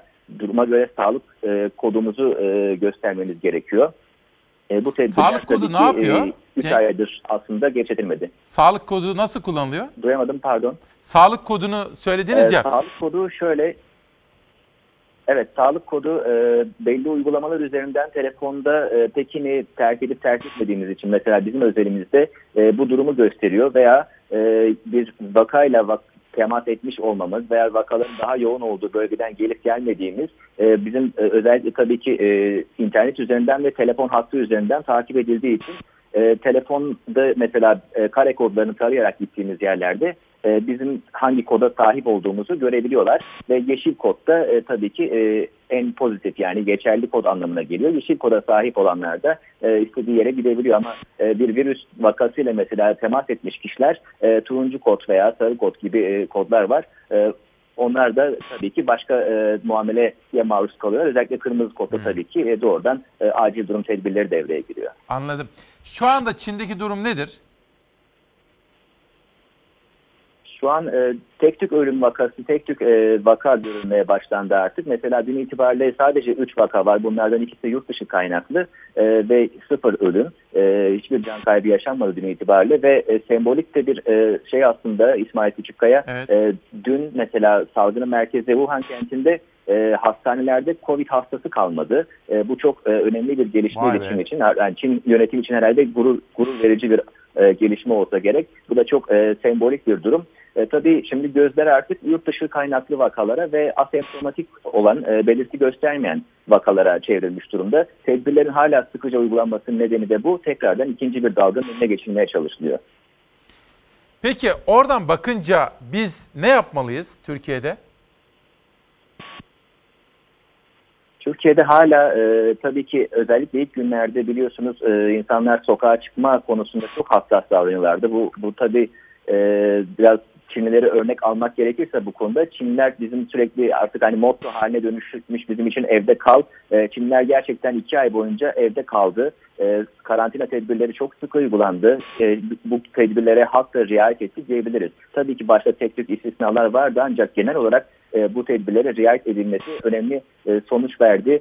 E, bu yüzden tabii ki e, tedbirlerin kesinlikle e, gevşetilmemesi özellikle bu pik döneminden sonra düşüşe geçilmesinden sonra yani bu, bu dönemde dahi e, tedbirlerin gevşetilmemesi gerekiyor. E, mesela şimdi e, okullar açılıyor artık aşama olarak biliyorsunuz Pekin'de, Şangay'da. E, bugün itibariyle de açıldı. Hatta Hubei eyaletinde bile e, Mayıs başında eğitime tekrar dönülecek. E, fakat buna rağmen hala e, eğitimde mesela okullarda e, yine bu yeşil kod uygulaması, e, girişte ateş ölçülmesi, maske takma zorunluluğu, e, toplu aktivitelerin yasaklanması e, gibi durumlar söz konusu. E, o yüzden tedbirleri hala e, elden bırakmamak şöyle. lazım. E, vatandaşlar için de buyurun. Cenk Özkömür sözünüzü kestim kusura bakma. Yani okullar açıldı ama okullara girerken de o tedbirler devam ediyor. Ateşleri ölçülüyor çocukların gibi veya kod tarama gibi o bilgiler takip ediliyor öyle mi?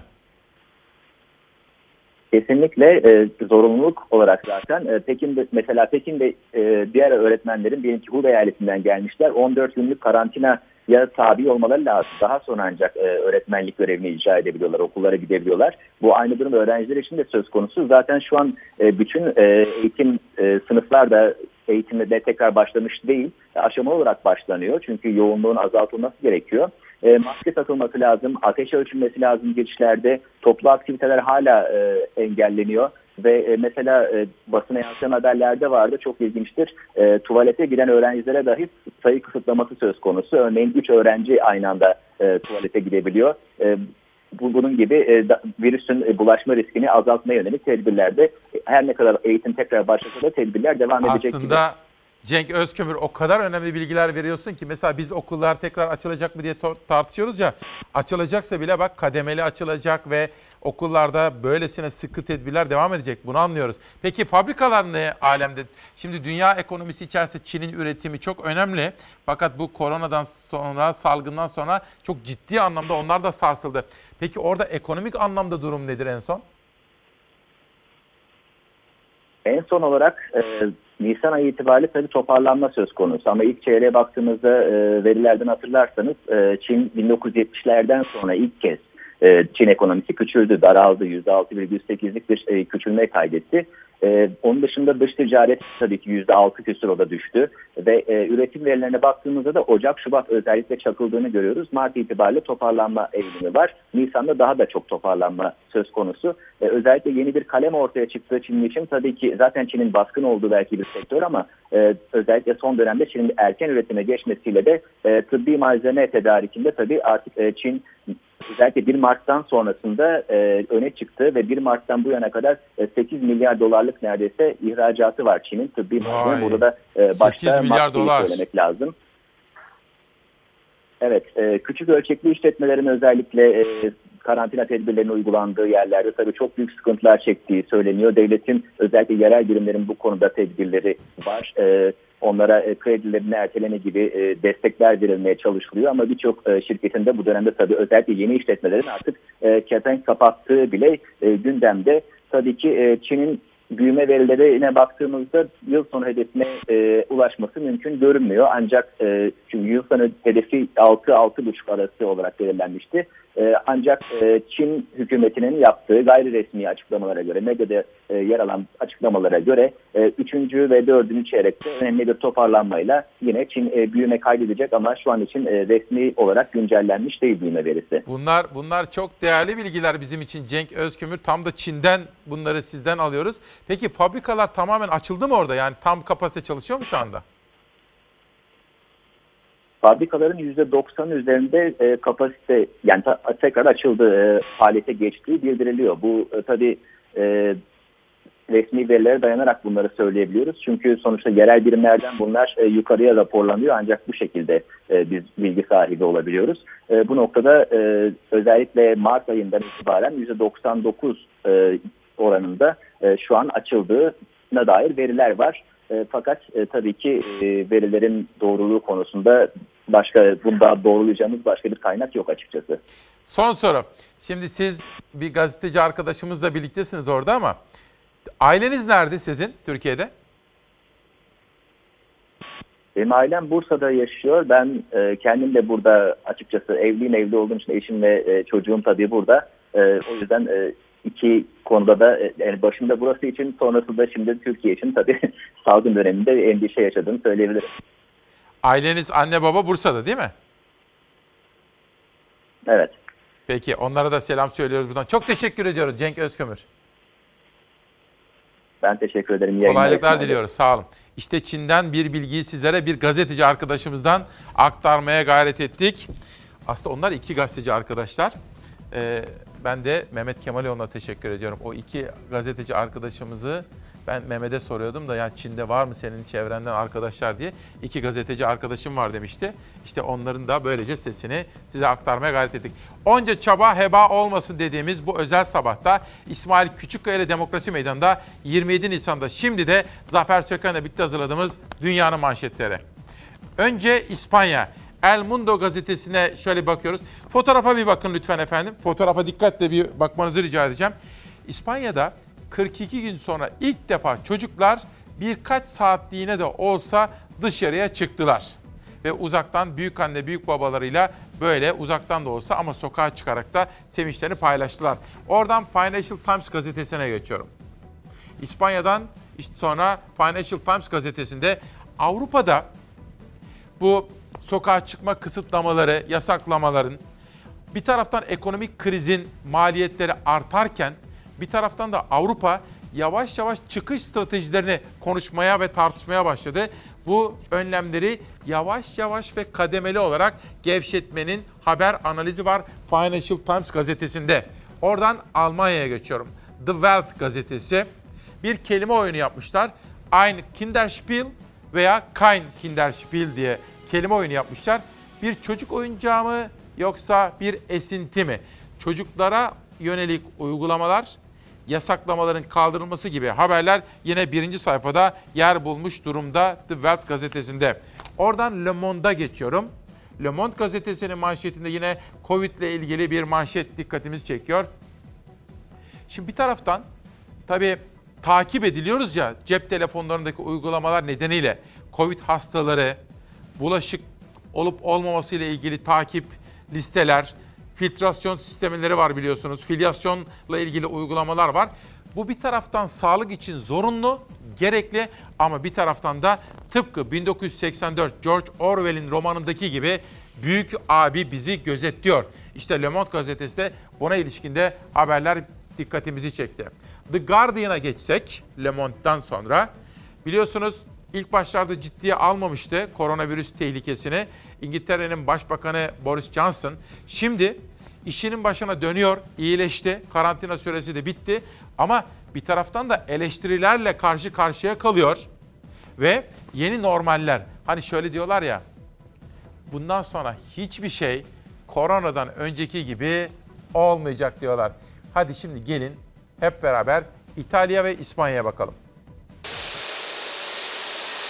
Virüsün Avrupa'da merkez üstüne çevirdiği İtalya ve İspanya'da tedbirler kademeli olarak gevşetiliyor. İki aya yakın bir süredir kilit altında olan İtalya'da bazı ticari işletmeler yeniden açılıyor. İtalya hükümeti 4 Mayıs'tan itibaren normale dönmek için önemli adımlar atmaya hazırlanıyor. İspanya'da da gevşetilen tedbirler çerçevesinde çocukların dışarı çıkmasına izin verildi. Bugüne kadar 26 binden fazla kişinin hayatını kaybetmesine neden olan salgın İtalya'yı evlere hapsetti. Sağlık sistemi çöktü. Hastaneler yetersiz kalırken sağlık çalışanları imkansızı başarmaya çalıştı. Salgının Mart sonundan beri etkisini azaltarak seyrettiği ülke 4 Mayıs'ta normale dönmek için geri sayımda. İtalya'da küçük işletmeler faaliyetlerine başladı ancak Başbakan Conte tedbirlerin kademeli olarak gevşetilmesi için 4 Mayıs'ı işaret etti. İkinci aşama olarak adlandırılan programla fabrikalar yavaş yavaş açılacak. İnsanların sınırlı bir şekilde parklara gitmesine izin verilecek. Sosyal mesafe kurallarına uymak ve maske takmak zorunlu olarak sürdürülecek. Hafta sonu İspanya'da çocuklar mutluydu. 6 haftanın ardından günde 1 saat dışarı çıkmalarına izin verildi. Çocukların ebeveynleri kontrolünde çıkması ve her yetişkinin en fazla 3 çocuğa eşlik etmesi şartı konuldu. İspanya'da 9 Mayıs'ta birçok tedbir kalkacak. Başbakan Sanchez 9 Mayıs'ı beklemeden 2 Mayıs'ta insanların spor ve kısa bir gezinti yapmak için evden çıkabileceklerini açıkladı. İspanya'da virüs bugüne kadar 23 binden fazla can aldı. Şimdi Emrah Acar da bir öneride bulunuyor ama eğer gerçekten hasta olduğunuzdan emin değilseniz hastaneye başvurmayın diyor. Aslında bu zamanlarda çok zorunlu değilse hastaneye gitmememiz gerekiyor. Sosyal medyanın manşetlerine şöyle bir bakalım. Sputnik Türkiye. Cerrahpaşa Tıp Fakültesi dekanı uyardı. Tedbirleri gevşetirsek tekrar başa dönme ihtimali var. Gevşetemeyiz efendim. Gevşetemeyiz. Bilim Kurulu üyesi Profesör Doktor Akın büyük kitlelerin buluşmasına yol açabilecek gevşetmeler olmayacak. Yani bir parça kademeli gevşetme olacak ama böyle eskisi gibi hurra kalabalıklar böyle bir şey olmayacak. Hayır. Onca çaba heba olmasın diyoruz. Enfeksiyon hastalıkları uzmanı Profesör Şenol, testlerin 3-4 misline çıkması gerekiyor. Tam bir belirsizlik içerisindeyiz. Test sayısında azalma var diyorlar uzmanlar. Tekrar 30 binlerin üzerine hatta 40 binlere çıkması gerekiyor. Devlet Sağlık, Dünya Sağlık Örgütü koronadan iyileşenlerin bir daha hasta olmayacağına dair kanıt yok. Diyelim hasta oldunuz ve tedavi oldunuz koronadan iyileştiniz. Ama bir daha koronadan hasta olmayacağınıza dair kanıt olmadığını söylüyor Dünya Sağlık Örgütü. Ve 7.45'te 8 civarında sizlere demiştim ki bu video önemli. Geçen hafta CNN International'da ve pek çok Amerikan kanalında gelip buradaki çekimler mesela Cerrahpaşa'daki çekimleri vardı. Ve onlara bir benzer paylaşımı gördük. Necdet Ünüvar da diyor ki BBC News diyor ki Türkiye'nin kıymetini bilin. Şimdi efendim bu video işte CNN International'daki gibi, Amerika'daki başka televizyonlardaki gibi BBC'de de Türkiye'deki sağlık hizmetleriyle ilgili olumlu açıdan bakan bir manşet haber. Now, one of the countries where the British government has been trying to source personal protective gear is Turkey, where manufacturers say that they are managing to satisfy demand from both abroad and home. Turkey has the seventh highest number of confirmed cases of coronavirus in the world. But the government there insisted today that the numbers affected by the virus are now beginning to stabilise. From Istanbul, our international correspondent, Ola Girin, sent this report. Istanbul these days is a shadow of its former self. A city of over 15 million turned to an empty shell. Weekend lockdowns now a feature of life. Turkey's view is that, unlike other countries, it responded to the virus hard and fast. And Britain is looking to Turkey for help. An RAF cargo plane is on the tarmac in Istanbul, waiting for a consignment of personal protective equipment, desperately needed but still delayed. Turkey is churning it out and has already sent donations to the UK, Italy, and Spain. At vocational schools across Istanbul, teachers have turned their hand to this urgent work. An Education Ministry official says they were mass producing PPE within one week of Turkey's first case being diagnosed in March. These schools have become a light in the darkness. birlikte üretimin içerisinde yer aldılar. Our country would like to help everyone in the world if we could. You were able to scale up very quickly and start producing these items. Are you surprised that Britain hasn't been able to do the same? Ben kendi ülkemiz için değerlendireyim. Let me just speak for my country. During these hard times, we are working together and we are producing together. A diplomatic answer. The truth is, Turkey had a head start with its strong manufacturing base. Well, they're making about 250 gowns here every day. Onca çaba heba olmasın. Büyük işler yapıldı. Hepimiz. Herkes seferber oldu. işbirliği yaptık. Ama onca çaba heba olmasın dedik bugün İsmail Küçükkaya ile Demokrasi Meydanı'nda. Sabah sizlere bir elektrik faturasından bahsetmiştim. Tevfik Diker'in elektrik faturasından. 500 liraya yakın. Bir hanım bir de ben. 488 liralık elektrik faturası neyin nesidir İsmail diye soruyordu Tevfik Diker. Mustafa Ezici. Abi Alanya'dayım. 4 artı bir evde oturuyorum. Burası ılıman. Klima hiç çalıştırmıyorum. Ocak ayında 750, Şubat ayında 600, Mart'ta 580 lira fatura geldi. Elektrik dağıtım şirketleri halkı kazıklıyor mu diye soruyor bakın. Çünkü faturalara bakarsanız yok bilmem ne TRT payı, yok bilmem ne bilmem. Fakat hakikaten 500 lira, 600 lira elektrik faturası vatandaş nasıl ödeyecek? Ankara Ulus parsel parsel riskli alan edilerek acele kamulaştırılıyor. Ve Mimarlar Odası Ankara Başkanı dertli. Acele kamulaştırma, ecele kamulaştırmadır. Ulus esnafı, belediyeler kaçak yapılaşmaya müsamaha gösteriyor derken ulus esnafından bu mülkiyet gaspıdır, hayatı eve sığdıramıyoruz. Ben bu konudaki bilgiler, haberler dün danışmanım Nihal Kemaloğlu'na bana gelince Mimarlar Odası'yla da irtibata geçtim. Olayı araştırmaya başladım. Ulus esnafı şikayetçi. Hatta Mansur Yavaş'ın en yakın çalışma arkadaşına bu haber linkleri de gönderdim. Burada dedim bir şey yapılabiliyor mu? Abi dedi bizimle ilgili bir durum yok dedi. TOKİ dedi yapıyor. Bir araştırır mısın dedim. Bugün bu konuyu araştıracağıma sizlere söz veriyorum. Çünkü Ankara'dan geldim. Ulus'un ne kadar kıymetli, ne kadar önemli bir yer olduğunu bilirim efendim. Bu konuyu araştırıyorum. Hafta sonunda ben bunu bir hastanemizin önünde çektim. Ve bu vesileyle sağlık çalışanlarımıza bakın. Şöyle dikkatle bakın ama. Bizler evlerimize neden kalacağız? Bizler evlerde kalalım diye sağlık çalışanları hangi kıyafetlerin içerisinde günlerini geçiriyorlar? Bu fotoğrafı cumartesi günü çektim ben sizler için. Sağlık çalışanlarının fedakarlıklarını unutmadık, unutmayacağız. Ha, annem tabii bizim İlyas iyi bir şey yaptı. Dur şöyle bir, bir dörtlü görün onu arkadaşlar rica edeceğim. Heh, bu fotoğraf aynı anda Ankara'daki annemle, yeğenim İpek'le ve İstanbul'daki Köknar ailesiyle Nurten Hanım ve Murat Bey, kız kardeşim Amerika'da aynı anda görüntülü görüşüyorlar. Bakın bu da annelerimize ne yapmamız gerekiyor. Benim erkek kardeşim İlyas bir akıllı cep telefonu aldı. Bir sene önce anneme gitti öğretti. Annem önce istemedi. Ben dedi kullan. Hayır dedi kullanabilirsin. Ve şimdi görüntülü konuşuyor. Lütfen sizler de annelerinize, babalarınıza en azından böyle yapabildiğimiz kadar böyle imkanları sağlayalım ki onlar da hiç olmazsa bu zor zamanlarda hem teknolojiyle hem de teknoloji sayesinde aileleriyle, torunlarıyla bir araya gelebilsinler. Ben de bu vesileyle kardeşim İlyas'a teşekkür ediyorum. Bu videoyu yayınlamak istiyorum önce. Merhaba, Diyarbakır'dan yazıyorum. Torunum doktor olan babasına her gün eve gelsin diye yalvarıyor. Sonrasında ağlıyor saatlerce.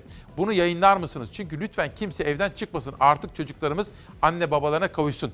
Bir izleyenim torunu ile ilgili bu videoyu çekmiş. Hani dedim ya sağlık çalışanları ile ilgili. Şöyle düşünün.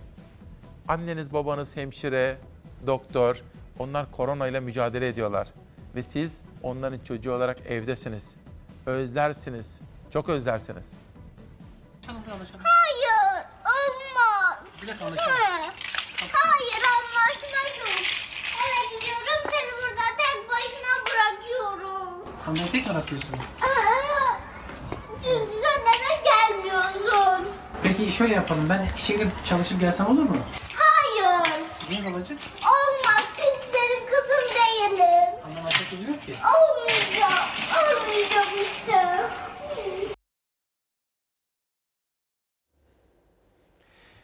Çocuklarımız, sağlık çalışanlarımızın çocukları. Hafta sonunda tabii ben dışarıya çıkıyorum. Elimde küçük cep telefonu, onun videoya alıyorum. Ve o videodan böyle çekimler yapıyorum. İşte biraz evvel sizlere aktardım ya, bir hastanenin önünde sağlık çalışanları. Sonra sonra temizlik görevlileri, sonra polislerimiz, belediye çalışanları. Bir video çektim, çok akıllıca buldum. Neden biliyor musunuz? Böyle yürüyorum farklı yerlerde. Özel izinle yol asfaltlama çalışmaları yapılmış. Hani geçen hafta hatırlar mısınız? İsmail Saymaz'ın bir tweetini okumuştum. Hatırlayacaksınız. Diyordu ki, madem sokağa çıkma yasakları var, köprülerdeki o uzun bakım çalışmaları böylesine zamanlarda yapılabilir diyordu İsmail Saymaz. Ben de adaşım doğru söylüyor demiştim. Dün bir baktım, dün ve cumartesi günü asfaltlama çalışmaları yapılıyor. Çok akıllıca buldum bunu. Zamanlamasını çok akıllıca buldum. 25 Nisan 2020 günlerden cumartesi koronavirüs nedeniyle sokağa çıkma kısıtlamaları var. Caddeler boş, sahiller boş, yaya hiç kimse yok ve trafik bomboş. Evde kal Türkiye'm. Bir süre daha sabredeceğiz sonra kurtulacağız. Bence son derece akıllıca bir iş yapmışlar. Hazır sokağa çıkma yasakları varken yolları asfaltlama çalışmalarını da yapıyorlar bu taraftan. Bence iyi bir planlama olmuş.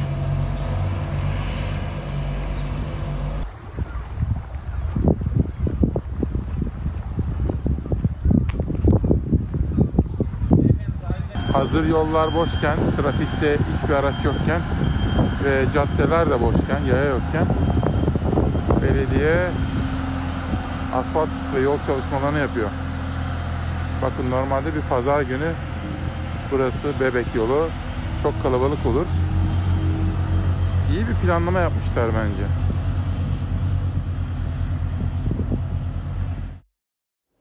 Ben tam bu çekimi yaparken ileride bir kalabalık gördüm. Oraya doğru da yürüdüm. Orada polisler gördü. Buyurun dediler. Hemen maskeyi indirdim. Gözlüğümü de çıkarttım. Güneş gözlüğümü.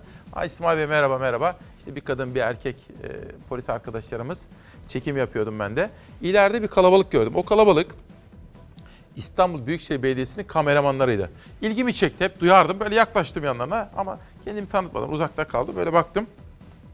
Çekim ve röportaj yapıyorlardı. Sonra takip ettik. Onun videosu da hazır ama önce bir arkadaşım Muzaffer Bey diyor ki biraz evvel Devlet Bahçeli ile ilgili, ilgili bir Adana haberi vermiştiniz diyor. Tekrar edebilirim. Bir başkası Atatürk Orman Çiftliği mücadelesi sonuç verdi. Ankara Mimarlar Odası'na teşekkür ediyoruz. Atatürk Orman Çiftliği mücadelesi sonuç verdi. Gazi Üniversitesi Tıp Fakültesi önündeki yeşil alan cami değil park olarak kalacak.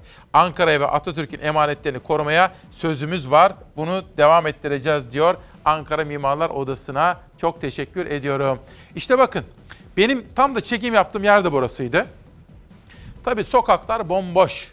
Trafikte hiçbir şey yok. Ve buradaki asfaltlama çalışmalarının yapılması bence de çok doğru. Siz evinizdeyken önemli güzergahlardaki yol bakım ve onarımların hepsini tamamlıyoruz.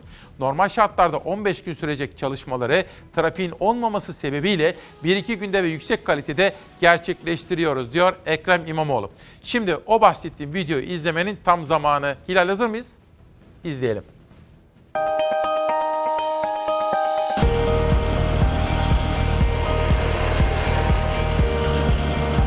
4 günlük e, sokağa çıkma yasağı kapsamında Anadolu ve Avrupa yakasında 14.500 ton asfalt serim işlemi yaptık.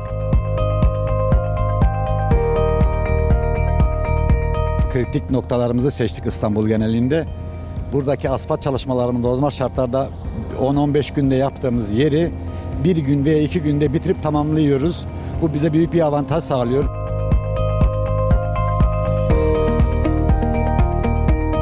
Hem vatandaşlara rahatsızlık vermiyoruz hem trafiğin çok yoğun olduğu yerde trafik olmadığı için çok şart, teknik şartnameye uygun bir şekilde daha sağlıklı, daha sağlam asfalt imalatı elde ediyoruz.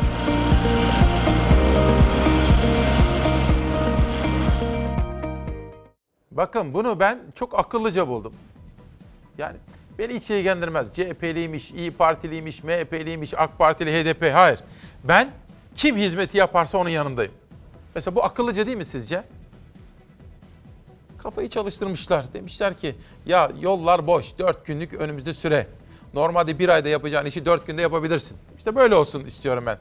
Bu arada Hasan Cemal abimiz, kıymetli büyüğümüz de bizimle birlikteymiş. Teşekkür ediyorum kendisine. İyi haftalar diliyorum.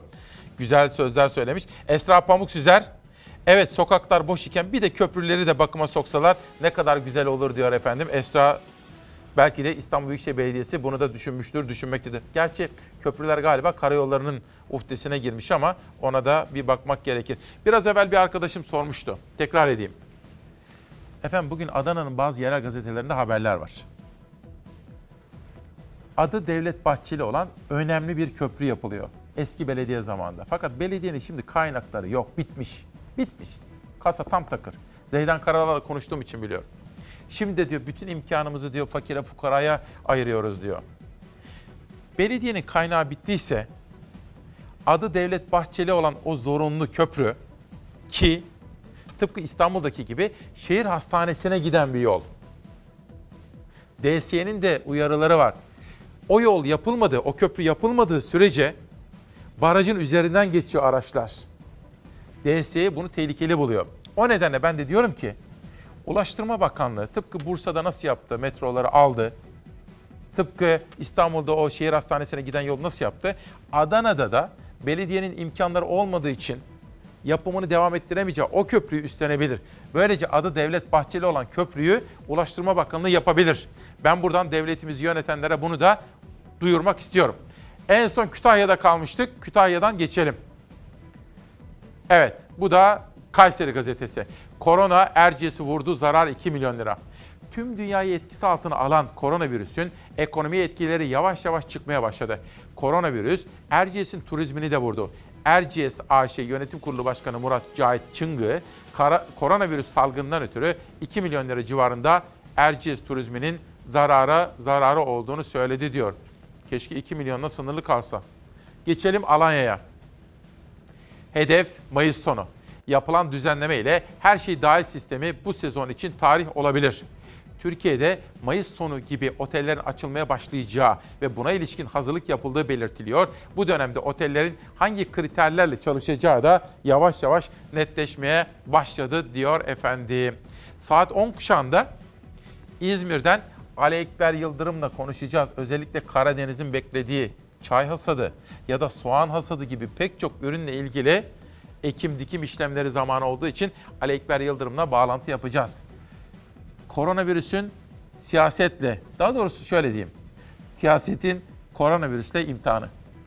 Diğer siyasi partilerin liderlerini davet etmesi lazım. Bu CHP olmayabilir. CHP lideri Kılıçdaroğlu koronavirüs gündemli liderler zirvesi çağrısını yineledi Cumhurbaşkanı'na. Hani CHP'ye kızdıysanız tamam eyvallah kızdın davet etmiyorum diyebilirsiniz. Ama en azından diğer siyasi partilerin liderleri olur. Milletin gözünün içine bakarak bu kadar yalanı arka arkaya söylemek mitomani hastalığıdır. Cumhurbaşkanı Erdoğan koronavirüsle mücadele sürecinde Kılıçdaroğlu'nu sert sözlerle eleştirdi, yalancılıkla suçladı. İkili arasındaki polemik sürerken CHP lideri gazeteci Candaş Tolga Işık'a Ee, konuştu. Yüz yüze görüşmenin, düşüncelerimizi aktarmanın, gerekirse eleştirileri yapmamızın bize değil, ülkeyi yönetenlere büyük katkısı olacağı kanısındayım. Çünkü bazen bizim gördüğümüzü onlar görmeyebilirler, bazen onların gördüğünü biz görmeyebiliriz veya onların bildiğini biz bilmeyebiliriz.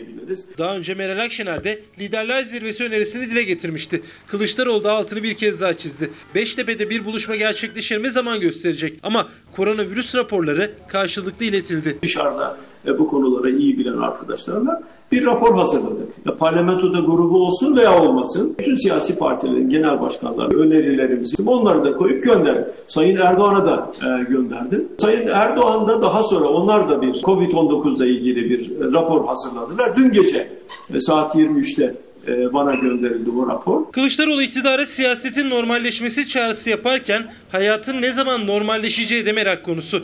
AK Parti Genel Başkan Vekili Numan Kurtulmuş bayram sonrasını işaret etti. İnşallah bayramda da Türkiye'nin rahatladığı sürece e, girmeyi ümit ediyoruz. Bu şu demek değil. Her şey güllük gülistanlık tamam artık eskiye dönebiliriz değil. Hayır. Biraz daha sabredeceğiz.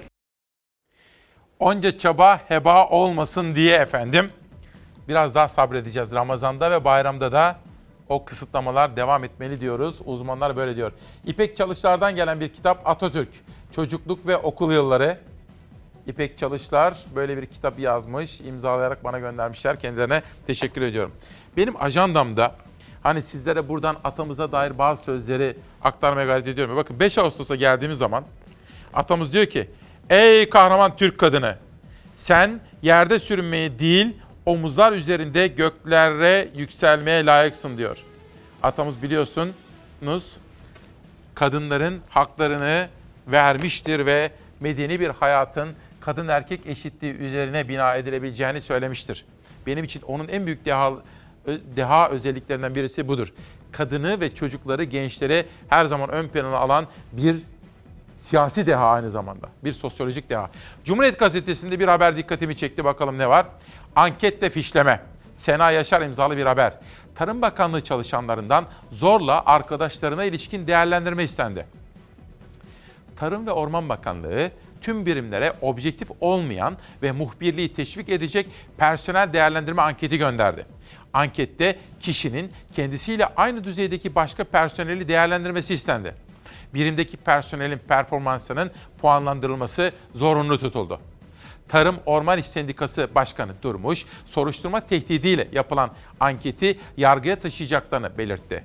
Durmuş, Bakan Pakdemirli çalışanları ayrıştırmak istiyor. Ayrıştırmayı da emekçilere yaptırmak istiyor. Sendika üyelerimiz asla boyuna gelmeyecek dedi. Bu da çok çarpıcı bir haber. Hazır sendikalardan bahsetmişken 1 Mayıs Cuma günü için İsmail Küçükkaya Demokrasi Meydanı'nda başka hiçbir televizyonda göremediğiniz, göremeyeceğiniz konuklarım burada olacak efendim. Çok özel hazırlıklarım var. Hatta hafta sonunda ikisiyle de görüştüm. Onun da ama ismini vermem şimdi tabii sürpriz olsun. Ben sürpriz etkisi seviyorum. Sabah bir bakıyorsunuz aa sürpriz başka hiçbir yerde göremediğiniz konuklar İsmail Küçükkaya Demokrasi Meydanı'nda. Koronanın Türkiye'deki gelişimi ve 26 Nisan'dan 27 Nisan'a yansımaları.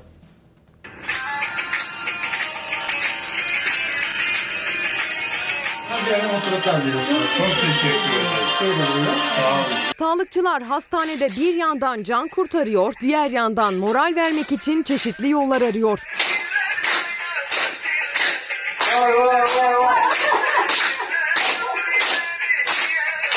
Yerel yönetimlerse evlerinden çıkmaları yasak olan 65 yaş üstüne destek için ellerinden geleni yapıyor. Muğla'nın Datça ilçesinde yaşayan Ergin çifti de 65 yaş üstü ileri yaş grubuna dahil. Evlerinden çıkamıyorlar. Belediye ekipleri 51 yıllık çifte evlilik yıl dönümü sürprizi yaptı. Çiftin Ankara'da yaşayan kızları belediye ekiplerinden yardım istedi. Yüksel ve Tanyol Ergin çifti kapıya gelen evlilik yıl dönümü pastasıyla büyük sürpriz yaşadı. Ankara'dan Ebru vardı kızınız. Kendisi gelemediği için rica rica etti. Datça Belediye Başkanlığı adına bir önemli mutluluklar diliyoruz. Çok teşekkür ederim.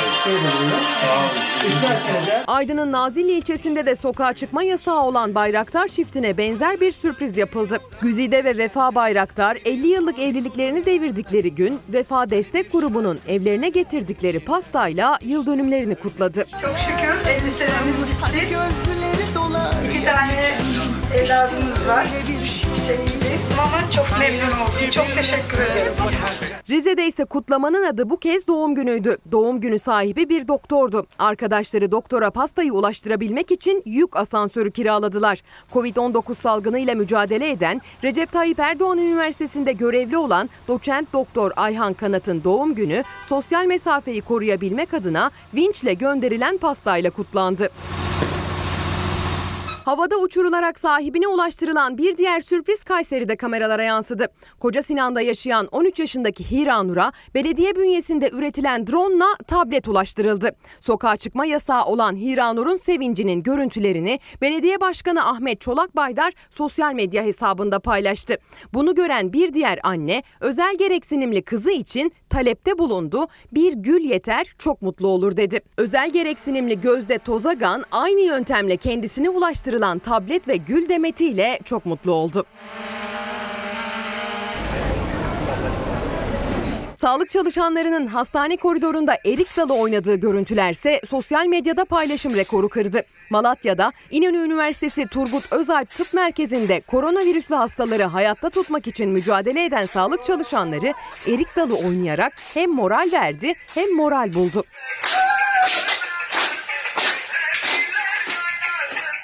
İstanbul Silivri'de ise bir hayırsever bir fırının veresiye defterini kapattı. Veresiye defterinde biriken 1500 liralık borcu ödeyen Ramazan Gültekin sürekli veresiye alışveriş yapan müşterilerin bir aylık masrafını da üstlendi. Dünyayı gerçekten de iyilik kurtaracak ve dünya bu adaletsiz dünya o sayıları az da olsa o güzel yürekli, iyi kalpli insanların yüzü suyu hürmetine ayakta durmaktadır efendim. Her zaman bunu söylerim öyle değil mi? Kuzey'in öyküleri Kemal Küçükali,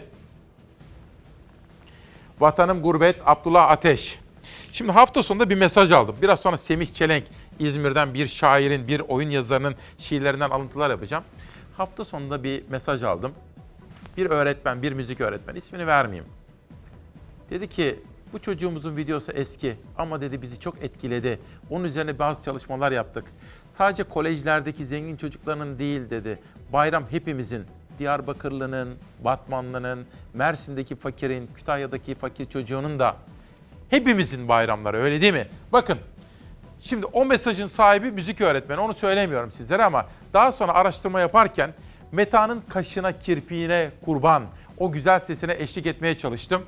İnanın bu çocuğumuzu, şimdi yaşı biraz büyümüş ama bu çocuğumuzu böyle dinleyince insan böyle kendi çocukluğunu düşünüyor, kendi babasının çocukluğunu düşünüyor, köy hayatını düşünüyor. İnsan insanlığını düşünüyor. Kışların yüreğimde açtı yara Ceylan gözlü bekliyorum Melin ile yaram sara Ceylan gözlüm muradına eremedin. Başı kara Ceylan gözlüm Kaşı kara Ceylan gözlüm Seni gördüm boynu bükük Genç yaşımda Gözü yaşlı peçem dökük Zülfün dara Ceylan gözlüm Zülfün Dağ başında soğuk varmış Geçit verme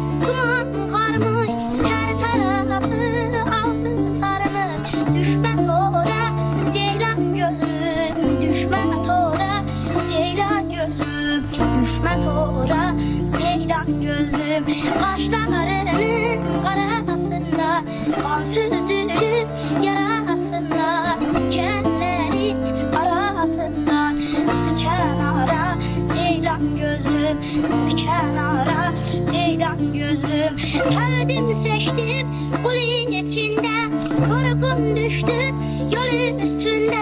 Susuz kaldım Gölün içinde Gel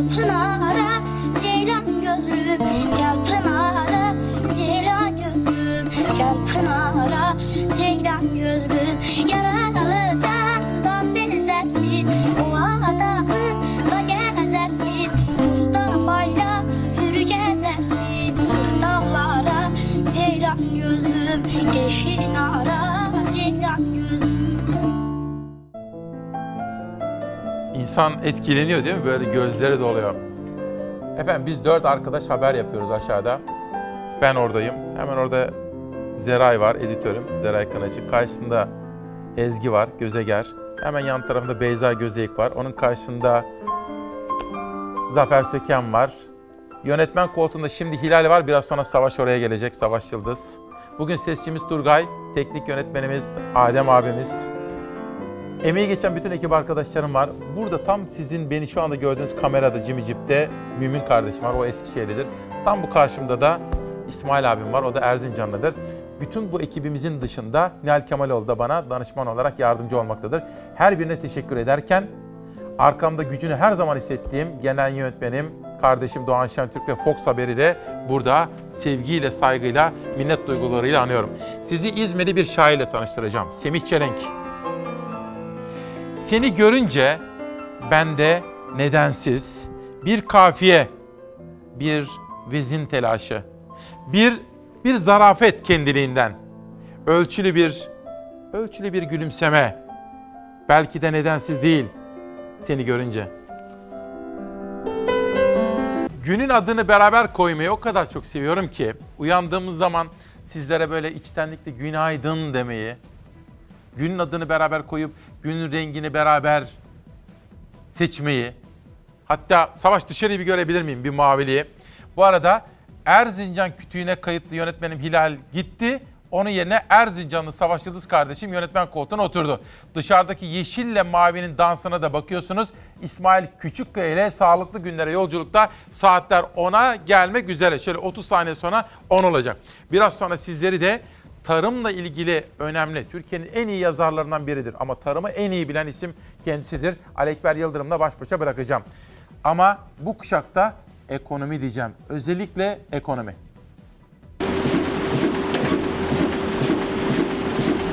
Koronavirüs vakalarındaki hafifleme küresel piyasalarda ılık rüzgarlar estirdi, altın fiyatları düştü, borsalar yükselmeye başladı.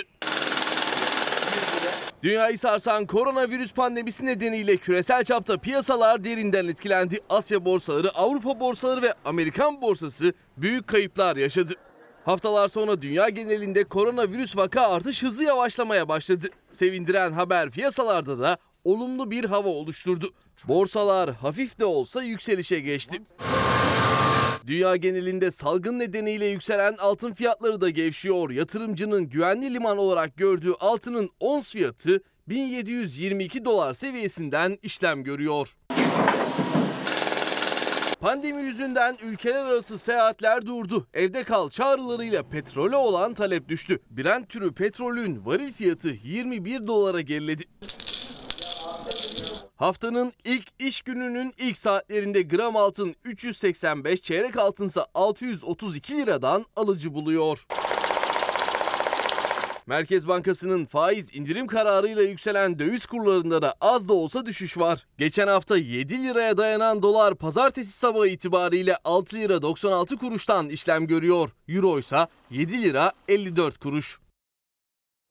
Bu da Zafer Söken imzalı bir haberdi. Bugün Türk basınına baktığımız zaman bir de bunu seviyorum. Hani günün yazarlarını beraber okumayı, güne beraber bakmayı o kadar hoşuma gidiyor ki anlatamam size. Bugün mesela şöyle bir bakalım. Tabii yerel gazeteler bizim için önemli. 7 yıldır her sabah sizlere yerel gazete haberleri sunuyoruz. Yerel basını duyun. Bugün Bir Gün gazetesinde Dilan Esen imzalı bir haber dikkatimi çekti. Bu haberin içerisinde Trabzon Kuzey Ekspres gazetesi sorumlu yazı işleri müdürü Fatma Yavuz var. Diyarbakır Yeni Gün gazetesi sorumlu yazı işleri müdürü Mesut Fiyan Çiçek var. Ve Antalya Akdeniz Gerçek gazetesi sorumlu yazı işleri müdürü Songül Başkaya var. Mersin İmece gazetesi editörü Turan Dal var. Yerel basını desteklememiz gerekiyor. Ama sizler de destekleyin olur mu? Mesela bulunduğunuz ilde, ilçede bir tane yerel gazeteye abone olsanız ya ne güzel olur.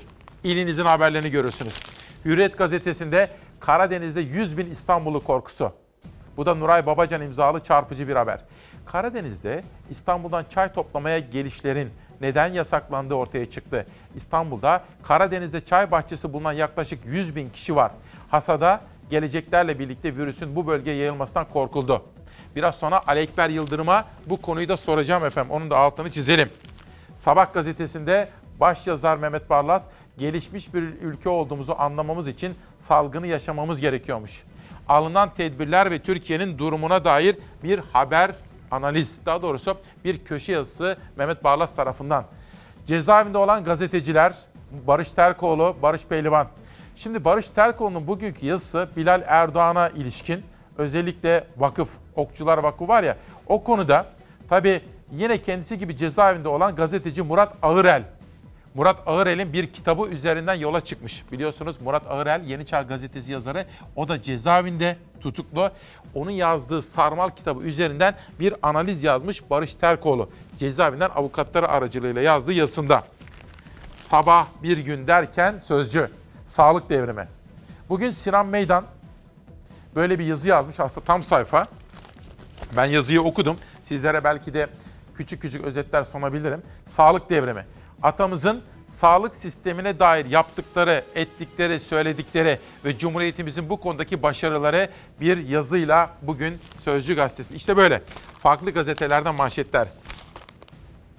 Koronanın, bu virüsün sağlığa olan etkilerini kontrol altına alacağız. Biz bu işi halledeceğiz. Ama Aykut Erdoğdu'nun iki gündür söylediği gibi hafta sonunda çok konuşuldu, trend topik oldu. Asıl bu salgın geçtikten sonra bunun esnafa, köylüye, işsize, emekçiye nasıl yansıdığı işte asıl oraya odaklanmamız gerekiyor. Gidişat iyi değil. Ülkelerimize bir tsunami geliyor, işsizlik tsunamisi geliyor. Ne yazık ki Türkiye ekonomisi kriz içerisinde. İnsanlarımızın işsiz olmasıyla ilgili bir tabloyla karşı karşıya kalırız. Onun için dikkat ederseniz kısa çalışma ödeneklerini çok süratle devreye soktuk. 5 milyon kişi şu anda evinde, işinden oldu evinde. Bir miktar para ödeniyor ama tamamına değil. Ekonomik Sosyal Konseyi toplayın. Koronavirüsle mücadele devam ederken muhalefet salgının ekonomik tablo etkisine vurgu yapıyor özellikle. Kılıçdaroğlu da ekonomi kurmayları da. 1 milyon 800 bin e, işsiz sadece turizmden üzerimize geliyor demektir. 1 milyon 980 bin civarında esnaf işletmesi vardır. Ortalama e, %80 daralıyor desek devasa bir işsizlik de esnaflardan üzerimize gelmektedir. Sağlam ekonomik altyapımızda Covid-19 sonrası için büyük bir potansiyelimiz olduğunu görüyoruz. Bugüne kadar attığımız adımların toplam tutarı 200 milyar Türk lirasına ulaştı. Allah aşkına nereye aktardınız bu 200 milyar kaynağı ya? Topu topu vatandaşa 4 milyar lira nakit destek verecek diyorsunuz. Onu da insanlar PTT önünde bekliyor. Kimse yani çoğu kimse alamadı zaten. Maske bile dağıtamadınız. 200 milyar kaynak dağıttık diyor. CHP Genel Başkan Yardımcısı Aykut Erdoğdu büyük risk altında izledi. Piyasaya 200 milyarlık destek sunduk diyen Berat Albayrak ise yeni günde Hazine ve Maliye Bakanlığı'nın hazırladığı bir videoyu paylaştı. O videoda bir esnaf destek paketinden nasıl yararlandığını anlatıyor. Yanımda 10 kişi çalışıyor. İşlerimiz çok iyiydi. Süper giderken ummadığımız bir anda beklenmedik bir şekilde bu Covid-19'a denk geldik. Esnaf destek paketi için Halk Bankası'na başvurdum. Çok ivedi bir şekilde, çok çabuk bir şekilde benim sorunumu çözdüler. Artık önümü daha rahat görüyorum. Hizmetler sektöründe %50'ye yakın bir talep düşüşü söz konusu. İnşaatta %42'ye yakın bir talep söz konusu.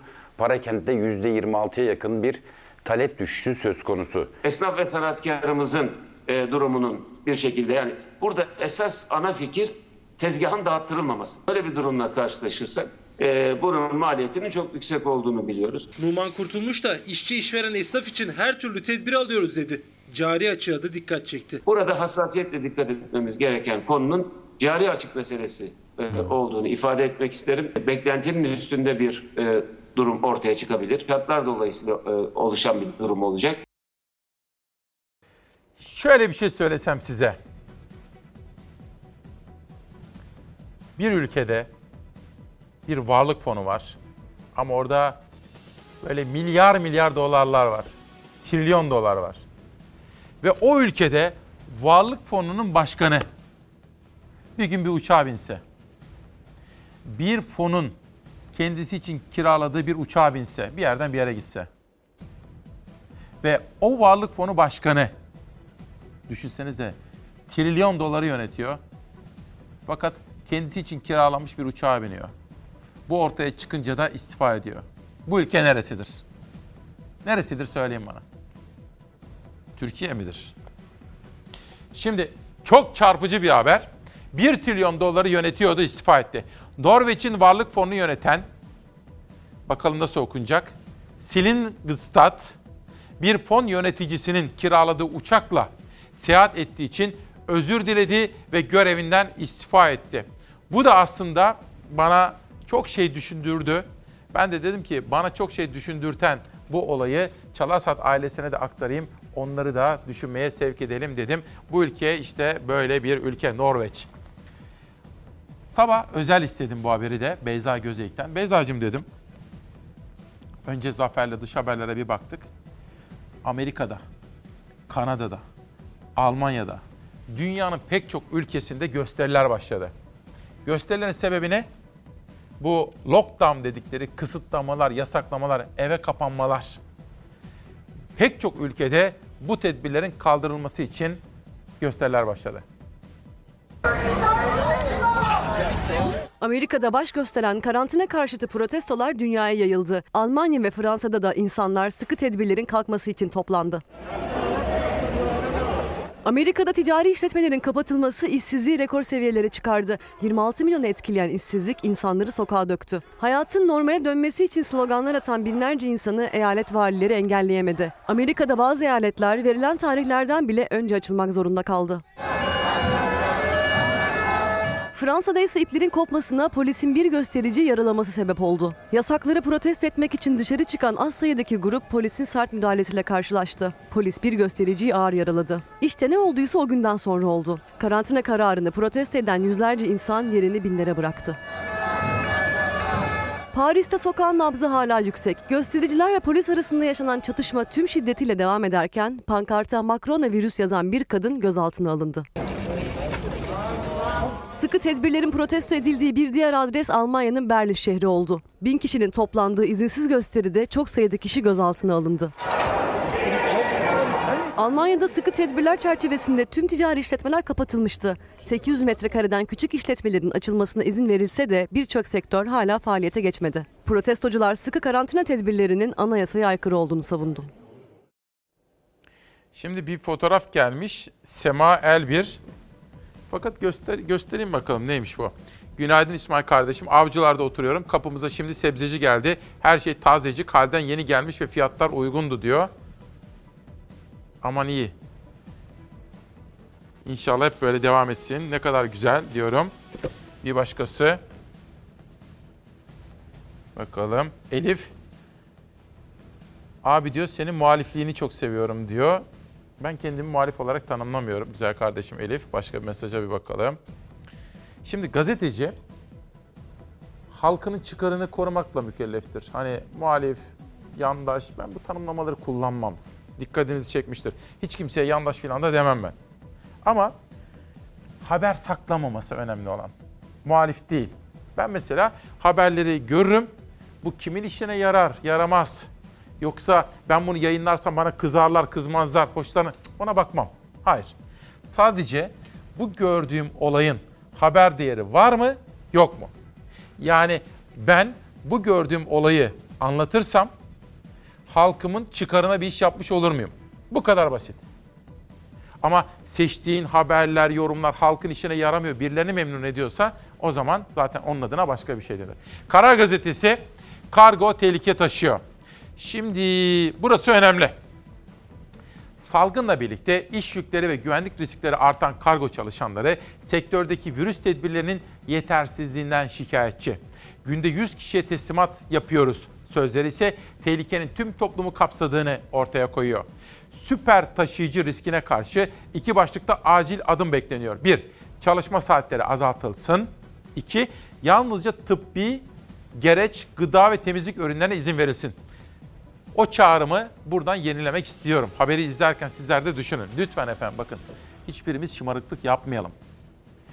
Temizlik malzemesinin, gıda ürünlerinin dışında zorunlu olmadıkça dışarıdan kargoya ürün vermeyelim. Bunun adına bu zamanlarda şımarıklık derler.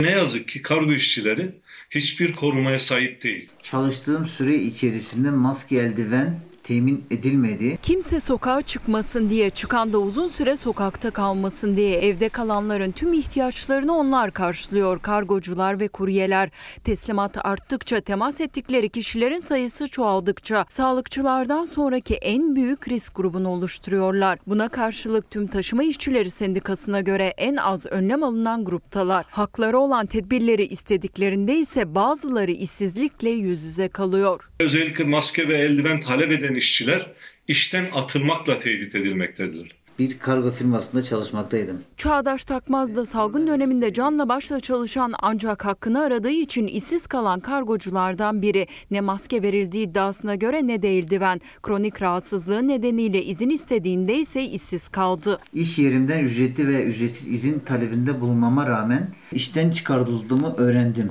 Asgari ücretli bir çalışan olduğum için İstanbul'da kendi geçim kaynağımı sağlayamayacağım için memleketime ailemin yanına döndüm ve ailemin eline bakmaktayım. Fazla mesai ücreti bile almadan çalışmaya devam ediyor. Evde kal çağrılarına uydu Türkiye ancak evde kalanların ihtiyaçlarını karşılamak için uzun saatler kapı kapı dolaşanlar, siparişleri eve kadar teslim edenler. Peki onlar için alınan tedbirler işte en büyük tehlike kargo ve kuryeciler için o noktada başladı. Her gün elinde yüzlerce binlerce paket geçiyor bu insanların. Bu paketleri vatandaşa ulaştırmaya çalışıyorlar. Koronavirüs salgını nedeniyle dünya ile birlikte Türkiye'de eve kapandı. Alışveriş online olarak internete kaydı. Sokaklarda zorunlu görevliler dışında kargo ve kuryeler yoğunlukta ama büyük risk altındalar. Kargo işçileri paketi teslim aldığı yerde de virüsü kapması mümkün. Paketi teslim ettiği yerde de virüsü kapması mümkün. Siparişler arttıkça çalışma saatleri uzadı ancak bazılarına fazla mesai ücreti yok. Hem ücretlerinin düzenlenmesi hem de maske ve eldiven gibi ihtiyaçlarının karşılanması için Tüm Taşıma İşçileri Sendikası TÜMTİZ bir kez daha çağrıda bulundu. Sadece kargo işçisinin can güvenliği değil.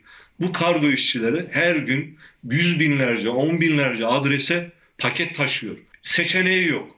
Yani bir taraftan virüs koşullarında riski alarak çalışmak zorunda kalıyor. Aksi takdirde işi bıraktığında açlıkla, işsizlikle baş başa kalması e, söz konusu. Şimdi İzmir'e gideceğiz, bağlanacağız ama bu arada sabah sizlere 500 liralık, 488 liralık elektrik faturası mı olur demiştim Tevfik Diker'den. Bir bakan onu aramış, ilgileneceğim, çok merak ettim demiş. Bakanın adını da söyledi ama şimdi hani söylemeyelim. Gelişmeleri takip edeyim, yarın sizlere aktaracağım. Bu arada Sezgin Bey de bir mesaj atıyor. Onu biraz sonra konuğuma sorayım. Alekber Yıldırım hazır mı Savaş? Evet İzmir'e gidiyoruz. Benim meslektaşım, tarım konularını uzun yıllardır dikkatle takip eden, yazan, çizen ve sıklıkla İsmail Küçükkaya ile Demokrasi Meydanı'na davet ettiğimiz Alekber Yıldırım. Merhaba nasılsınız? İyi misiniz? Ha, günaydın, iyi yayınlar İsmail kardeşim. Her şey yolunda mı? Kızlar ne yapıyor? Kızlar şu an ikisi de dersteler. Ev zaten okula döndü. Her odada bir bilgisayar. Ekim bir tarafta, Doğa bir tarafta e, canlı ders e, alıyorlar. Harika, harika. Evet. Şimdi sabah bize yine katkı verdiniz, katılım verdiniz. Çok teşekkür ediyorum peşin peşin. Bir arkadaşım bir fotoğraf göndermiş bana şimdi. Evet. Dün de bir video gördüm. Benim çok yakın bir arkadaşım var. Eski bir gazeteci Tayfun Topal. Onun dün videolarını gördüm. İşte bir yerlerde orada tarlanın başında elinde çapa böyle çalışıyordu. Evet. Sonra akşam Enver Yücel'i gördüm. O da eşi, o da Semra Hanım. Onun da elinde çapa var. Yani şunu gördüm. Tarımın önemini anlıyor gibiyiz biz. Ne dersin? Valla bu koronavirüsün bana göre evet en önemli e, kazanımlarından birisi toplumun her kesimi tarım konusuna, gıda konusuna daha duyarlı olmaya başladı. Evet. Aslında ben 24 yıldır tarım yazıyorum. E, Fox uzun bir süredir tarım haberlerine özel bir ilgi gösteriyor Evet. ve her bülteninde e, sizin programda olsun, İlker'in programında olsun hep tarımla ilgili mutlaka birkaç haber yer alıyor. Tabii bunların da etkisi var ama korona ile birlikte bana gelen mesajlarda da şöyle e, sö- söylemler görüyorum. Abi şu korona bir geçsin, vallahi gidip tarım yapacağım, gidip üretim yapacağım diyenler çok fazla arttı. Harika, harika. Tabii bu farkındalık önemli gerçekten. Bunu korona geçtikten sonra, bu virüsten kurtulduktan sonra sürdürebilirsek hem ülke için hem e, tüketici için, herkes için çok e, yararlı olacak. Şahane. Şimdi ben bugün seçtiğim üçüncü Evet. tur gazetelerde tarım haberleri var. Manşetleri beraber okuyalım mı? Ben manşetleri okuyayım siz yorumlayın olur mu? Tabii ki. Tamam. Şimdi önce Türkiye gazetesi çayda vekil dönemi. Karadeniz'de sıkıntılı hasat. 100 bin üreticiye Karadeniz kapısı kapandı. İstanbul'dan çay hasadı için gideceklere izin çıkmayınca vekalet formülü bulundu. Ali Ekber Yıldırım bunu şimdi bize yorumlasın. Karadeniz'de çay hasatı zamanı. Buyurun. Şöyle çayla ilgili Türkiye'nin tabii çay yetişen çok az sayıda ili var. İşte Rize, Trabzon, Giresun bir miktar. Ee, Dolayısıyla Türkiye'nin çayı bu illerde üretiliyor. Bu illerdeki çay üreticilerinin yani çaylığa sahip olanlar, çay bahçesine sahip olanların önemli bir bölümü de e, şehir dışında. Yani İstanbul'da oturan var, Ankara'da, İzmir'de oturan var ama yoğunluk İstanbul'da. Şimdi onların bu dönemde yani hasat zamanı, çayı toplama zamanı gelip çaylarını toplarlar, bunun satışını yapar ve teslim ederler Çaykur'a veya özel sektöre. Sonra tekrar işlerine geri dönerler. Burada koronavirüs nedeniyle büyük bir endişe var. Şimdi birincisi bu bugüne kadar aslında bu çayın toplama işlemini büyük oranda Gürcistan'dan gelen işçiler yapıyordu. Evet. Fakat şu anda sınırlar kapalı, Gürcü, Gürcüler gelemeyeceği için e, herkes kendi içinde bunu çözsün diyor. Ama adam İstanbul'da yaşıyor. Yani bir, bir şekilde kendi bahçesine gelip çayla ilgilenmesi gerekiyor. Hayır diyor valilik, ilgili makamlar sen gelemezsin diyor. Ama en son alınan kararla Doğu Karadeniz bölgesine yani Samsun'dan Artvin'e kadar olan bölgeden işçi getirebilirsin diyor. Ama sen kendin gelemezsin İstanbul'dan. Bu bir yandan İstanbul'da koronavirüsün ne kadar yaygın olduğunu bize anlatıyor aslında. Evet. Yani Samsun'dan gelebilir. Ordu'dan, Giresun'dan gelebilir diyor ama İstanbul'dan gelemezsin diyor. Aslında Rize Valiliği bundan 15 gün önce çok önemli bir karar almıştı. Dedi ki daha doğrusu pandemi kurulu, oradaki e, hıfzı sağ kurulu daha doğrusu. Denildi ki ya bu insanlar gelsinler 14 gün e, şeyde kalsın, karantinada kalsınlar sonra da işlerine başlasınlar. Fakat sonra ne olduysa bu bozuldu. Sizin... Bunun yerine dört ilin valisi bir araya geldi. Yeni Evet. bir karar alındı. Hayır gelemezsiniz dedi. Sizin buradaki çözüm öneriniz nedir? Buradaki çözüm önerisi şu. Gerçekten de bu insanlar şimdiden eğer getirilirse ki getirilebilir. e, nasıl ki biz mevsimlik işçileri belli bölgelere yani Urfa'dan İzmir'e geliyor, Adana'ya gidiyor. Aynı şekilde bu insanlar da oraya getirilip önce ateşlerine bakılır, sağlık testleri yapılır. Gerekirse test yapılır. Tabii ki bunlar kendi işlerini yapmış olurlar. Çünkü çay hasadına daha var. Yani havalar biraz soğuk gittiği için o bölgede 15 Mayıs'tan sonra hasat başlayacak. Tamam. Bunu bu zamanı kaybetmememiz gerekiyor. Teşekkür İkincisi, ediyorum. mak- makinalı hasada geçilebilir. Bu işçi e, sayısını azaltmada bir e, çözüm olabilir. Bir sonraki gazeteye geçiyorum. Çok güzel anlattınız. Çözüm önerisini de dile getirdiniz. Türkiye Gazetesi'nden Aydınlığa geçiyorum. Aydınlığın sür manşetinde üretimin görünmeyen emekçileri. Milyonluk göç başladı. Mevsimlik tarım işçileri ekmek parası için yola düştü. Fakat salgın nedeniyle sıkıntılı günler yaşıyorlar. 31 ile giriş çıkış yasak. İzin almak zaman kaybına yol açıyor. Hasat zamanı gelen ürünlerin dalda ve tarlada kalma riski artıyor. Beklentileri bir an önce merkezi düzenleme ile sıkıntıların giderilmesi diyor. Ali Ekber Yıldırım'a soralım. Tabii Nisan'ın sonundayız. Bu zamanlar üretim için, tarla işleri için çok önemli. Kesinlikle e, aslında bu koronavirüs başladığından beri daha önceki programlarda da konuşmuştuk. Tarım, mevsimlik tarım işçilerinin ulaşımı, onların sağlığı, barınma yerleri bunlar çok önemli demiştik. İçişleri Bakanlığı bununla ilgili dört ayrı genelge yayınladı ve e, şu anda büyük ölçüde ulaşımla ilgili sorun çözüldü. Yani bazı yerlerde sıkıntılar e, olsa da ama genel anlamda çözüldü. Fakat biz şunu önermiştik bu işçilerin geldiği yerlerde AFAD veya Kızılay çadırlar kursun. Daha uygun şartlarda barınma sağlansın. Bunların sağlık kontrolleri düzenli yapılsın. Bunun çok yapılmadığını görüyoruz. Yani yine bu derme çatma çadırlarda biraz çadırların mesafesi açıldı.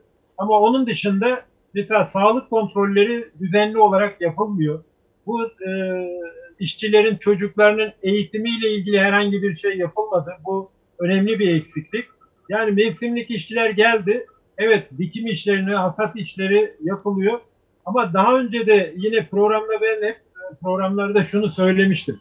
Ya üretim yapıyoruz ama o ürünün pazara ulaşması, tüketiciye ulaşması çok önemli. Dün Adana'da e, çiftçiler marul ekilmiş tarlayı sürdüler. Yani marulu toplamak yerine sürmek zorunda kaldılar. Çünkü pazara ulaşamıyor veya alıcısı yok. Çünkü birçok restoran, şey kapandı. Yani marul tabii tüketimi çok elzem Yazık, olan bir yazık, ürün değil. yazık. Ah. Evet yine soğan üreticileri bu anlamda sıkıntıda. Çilekte fiyatlar düşmeye başladı. Yani biz de üretmek kadar üretilen ürünü değerlendirme noktasında da mutlaka önemli bir e, çaba içerisinde olmamız gerekiyor. Bu Geçen zarar hafta- gören zarar gören çiftçilerin zararının mutlaka karşılanması gerekiyor. Tabii.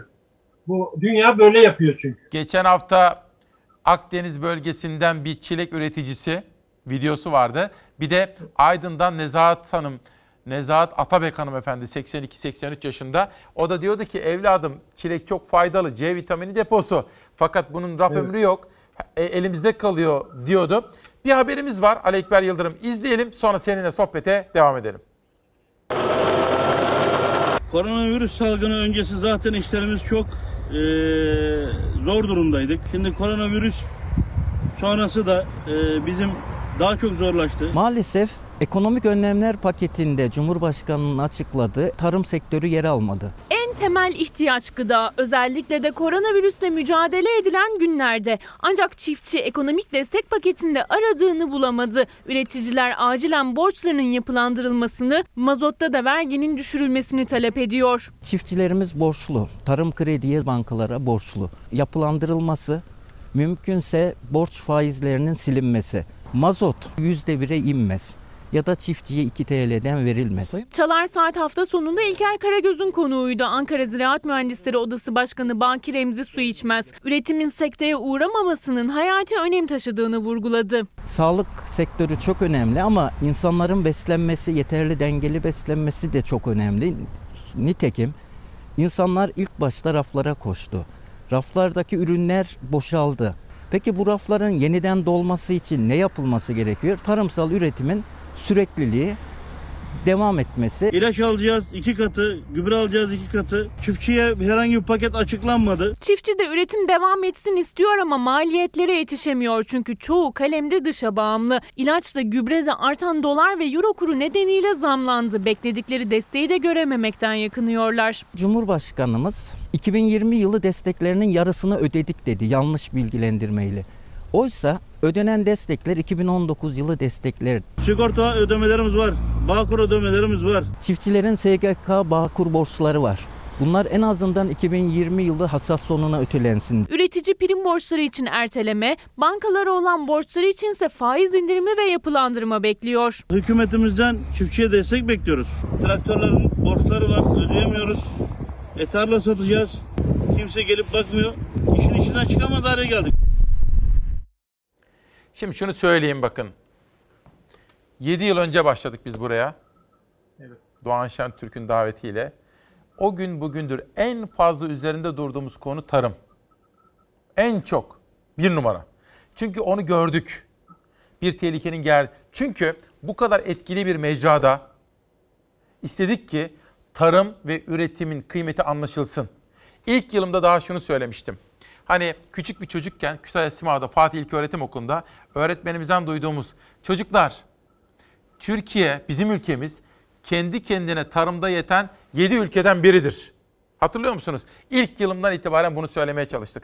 Ali Ekber Yıldırım'a bunu da soracağım şimdi. Tam da zamanı. Bir manşet daha okuyalım. Bu defa Dünya Gazetesi. Biliyorsunuz Ali Ekber Yıldırım hem Dünya Gazetesi'nde hem de Pencere Gazetesi'nde yazıyor. Türkiye'den meyve sebze talebi artıyor. Fikri Cin Okur'un manşeti. Koronavirüs salgın nedeniyle meyve sebze tedarikinde sorunlar yaşayan Avrupa ve Rusya'nın Türk yaş meyve sebzesine talebi artıyor. Avrupa'nın üretim merkezi İspanya ve İtalya'da da salgından dolayı üretim yapılamadığına işaret eden Batı Akdeniz İhracatçılar Birliği Yönetim Kurulu Başkan Yardımcısı Abdullah Bulut bu nedenle talebin Türkiye'ye yöneldiğini söyledi. Şimdi ben buradan Ali Ekber Yıldırım'a soralım. Tabii büyük bir risk ve krize karşı karşıyayız ama eğer biz elimizdeki o muazzam bereketli toprakları, Anadolu'nun ve Rumeli'nin bereketli topraklarını kullanırsak biz bu işin içinden çok daha karlı çıkabiliriz değil mi? Kesinlikle e, aslında hep bunu anlatmaya çalıştık yıllardır. Siz de söylediniz. Hani 7 yıldır gerçekten tarıma verdiğiniz, destek verdiğiniz e, önem. Ya Türkiye'nin çok zengin bir e, tarımsal potansiyeli var. Bunu harekete geçirmiş olsaydık bugüne kadar zaten bugün gerçekten Türkiye bu fırsatı çok daha iyi değerlendirmiş olurdu. Ama bu yine de e, değerlendirilebilir. E, Fikri Cin Okur arkadaşımızın da yaptığı haberde görüldüğü gibi Türkiye'ye bir talep var. Aslında diğer ülkelere de var ama Türkiye'nin tarımsal potansiyeli çok yüksek ve bizim yaş sebze meyvede rakibimiz olan İspanya olsun, İtalya olsun şu an bizden daha sıkıntılı bir durumda. Onların üretim yapması, bu ürünleri pazara ulaştırması daha sıkıntılı. Çünkü orada daha ağır e, yaşandı bu koronavirüs. Dolayısıyla Türkiye bunu değerlendirdiği zaman, organize ettiği zaman gerçekten önemli bir fırsat. Yani düşün bir yandan üretici ben ürünümü satamıyorum, işte sıkıntı yaşıyorum diyor. Bir tarafta talep var. Burada bir beceriksizlik var o zaman. Yani bunu mutlaka değerlendirmemiz lazım. Üreticinin elindeki ürünü iç piyasaya olsun, ihracatı olsun yönlendirmemiz gerekiyor. Bir de biz tarım deyince şu dönem için söylüyorum. Sadece işte makarna, un, e, kuru fasulye bunları düşünüyoruz. Diğer ürünlere baktığımız zaman gerçekten yaş sebze meyvede çünkü bunlar aynı zamanda depolanamayan ürünler. Yani hasat ettikten sonra kısa sürede tüketilmesi gerekiyor. Tabii. Şu dönemde uçaklar çalışmıyor mesela. Bu e, kargo uçakları olarak bunu çok kolay ihracat yapabilmeliyiz. Bu açık çünkü. Bunu rahatlıkla ulaştırabilmeliyiz. Hem üretici rahatlar hem ülke buradan döviz kazanır. Buna ihtiyacımız var. Ama e, hiç görmediğimiz alanlar var. Mesela kesme çiçek sektörü Türkiye'nin en önemli istihdam alanlarından birisi. Ama o sektörü biz şu an unuttuk. Tabii ki insanlara bu koronavirüsü yaşarken hani her gün çiçek alın diyecek halimiz yok. Ama o sektörü bir şekilde e, ayakta tutmamız gerekiyor ki bu virüsü atlattıktan sonra yine Türkiye'nin önemli ihraç gelirini Peki. sağlayacak ürünlerinden birisi olacak. Şimdi Ali Ekber Bey siz dünyadaki tarımı da takip ediyorsunuz. Geçen yıl hatırlıyorum ta Avustralya'ya gittiniz. 24 saat uçtunuz. Şimdi Evet. dünyada nasıl oluyor diye iki tane haber soracağım. Birisi Ordu gazetesi. Bir de Murat Bey yazmış bana diyor ki İsmail Bey iyi günler. Biz Isparta'nın Yalvaç ilçesinde kayısı üretimi yapıyoruz. Kayısı. Ancak iki gün önce don nedeniyle kayısılar dondu. Ne olacak halimiz? Acaba yardım eden olur mu? Aynı şey bak. Yalvaç'ta kayısı, Karadeniz'de fındık. Şimdi okuyorum Evet. gazeteyi. Ordu olay. Fındığı don vurdu. Altınordu Ziraat Odası Başkanı Atakan Akça, geçtiğimiz günlerde yüksek kesimlerde etkili olan kar yağışı nedeniyle birkaç ilçemizin yüksek kesimlerinde özellikle 500 rakımın üzerinde %20'lere varan kayıp var dedi efendim. Peki şimdi biz Ali Ekber Yıldırım'a soralım. Tabii aşırı yağış, don gibi tehlikeler de işin içinde ama buna karşı tedbirler batıda gelişmiş ülkelerde nasıl alınıyor mesela? Batı'da gelişmiş ülkelerde tabii ki bunun en önemli önlemi e, birincisi sigorta. Yani e, ürünler sigortalanıyor. Dolayısıyla bir zarar gördüğü zaman e, bu sigortadan karşılanıyor. İkincisi devlet o zarar gören çiftçinin zararını bir şekilde karşılıyor.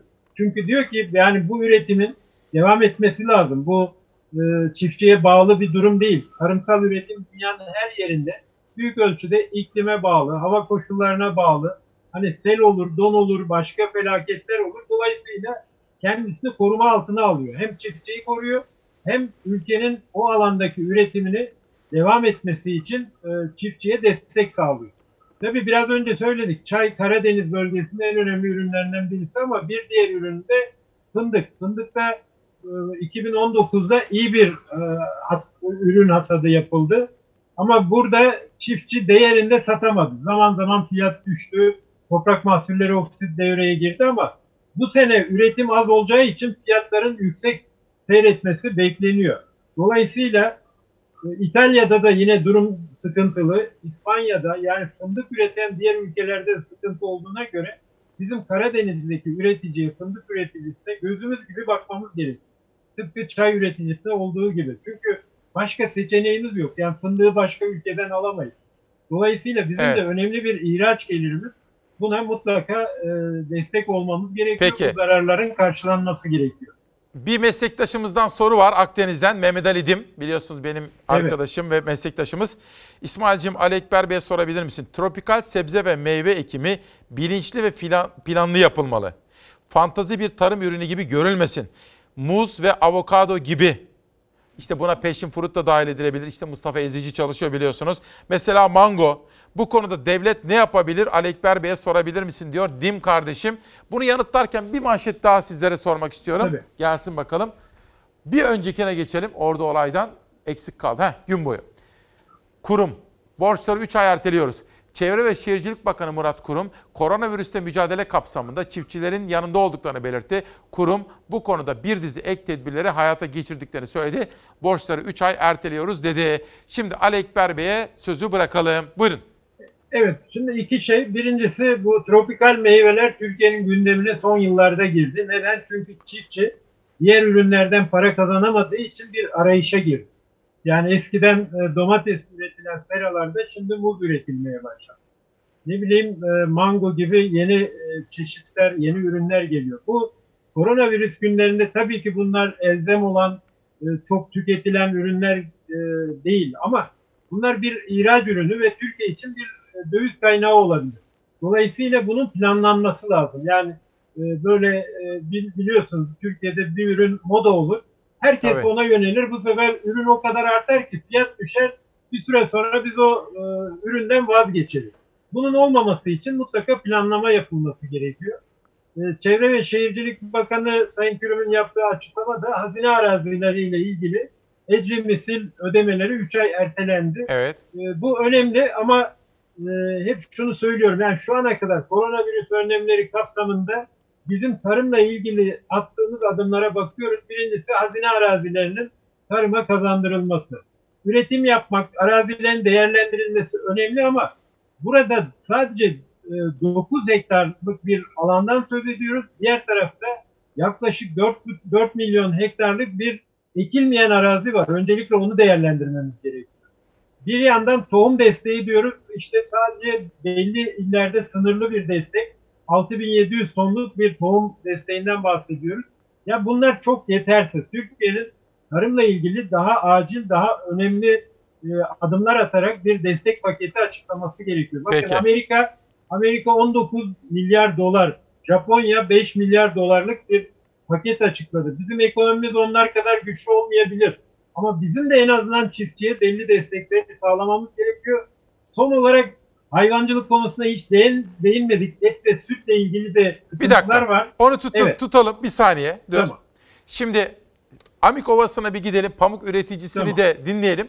Dönüşte son soru hayvancılık ve besicilikle ilgili olsun. Ama bu arada bir şey dikkatimi çekti Alekber Bey. Tam sizin arkanızdaki rafta kırmızı kaplı bir Atatürk kitabı var. Ee, Evet. onu çok merak ettim. Dönüşte onu bir bakabilir misiniz ya? Kimin kitabı o acaba? Ona- Tabii ki, Ama önce. Amik Ovası'na bir gidelim. Tamam. Çiftçilerimiz geçen yıl pamuk üretiminden ciddi şekilde zarar etti. Gerek elektrik, gerek gübre, ilaç, tohum ciddi bir maliyet karşısında ezim ezim ezildiler. Bu yıl kara kara düşünen çiftçilerimize devletimizden en az pamuk destekleme priminin 2 Türk lirası olarak açıklanmasını talep ediyoruz. Ki geçen yılın pamuk destekleme primleri halen yatırılamadı. Gerek gübrede, gerek ilaçta ciddi anlamda bir destek istiyoruz.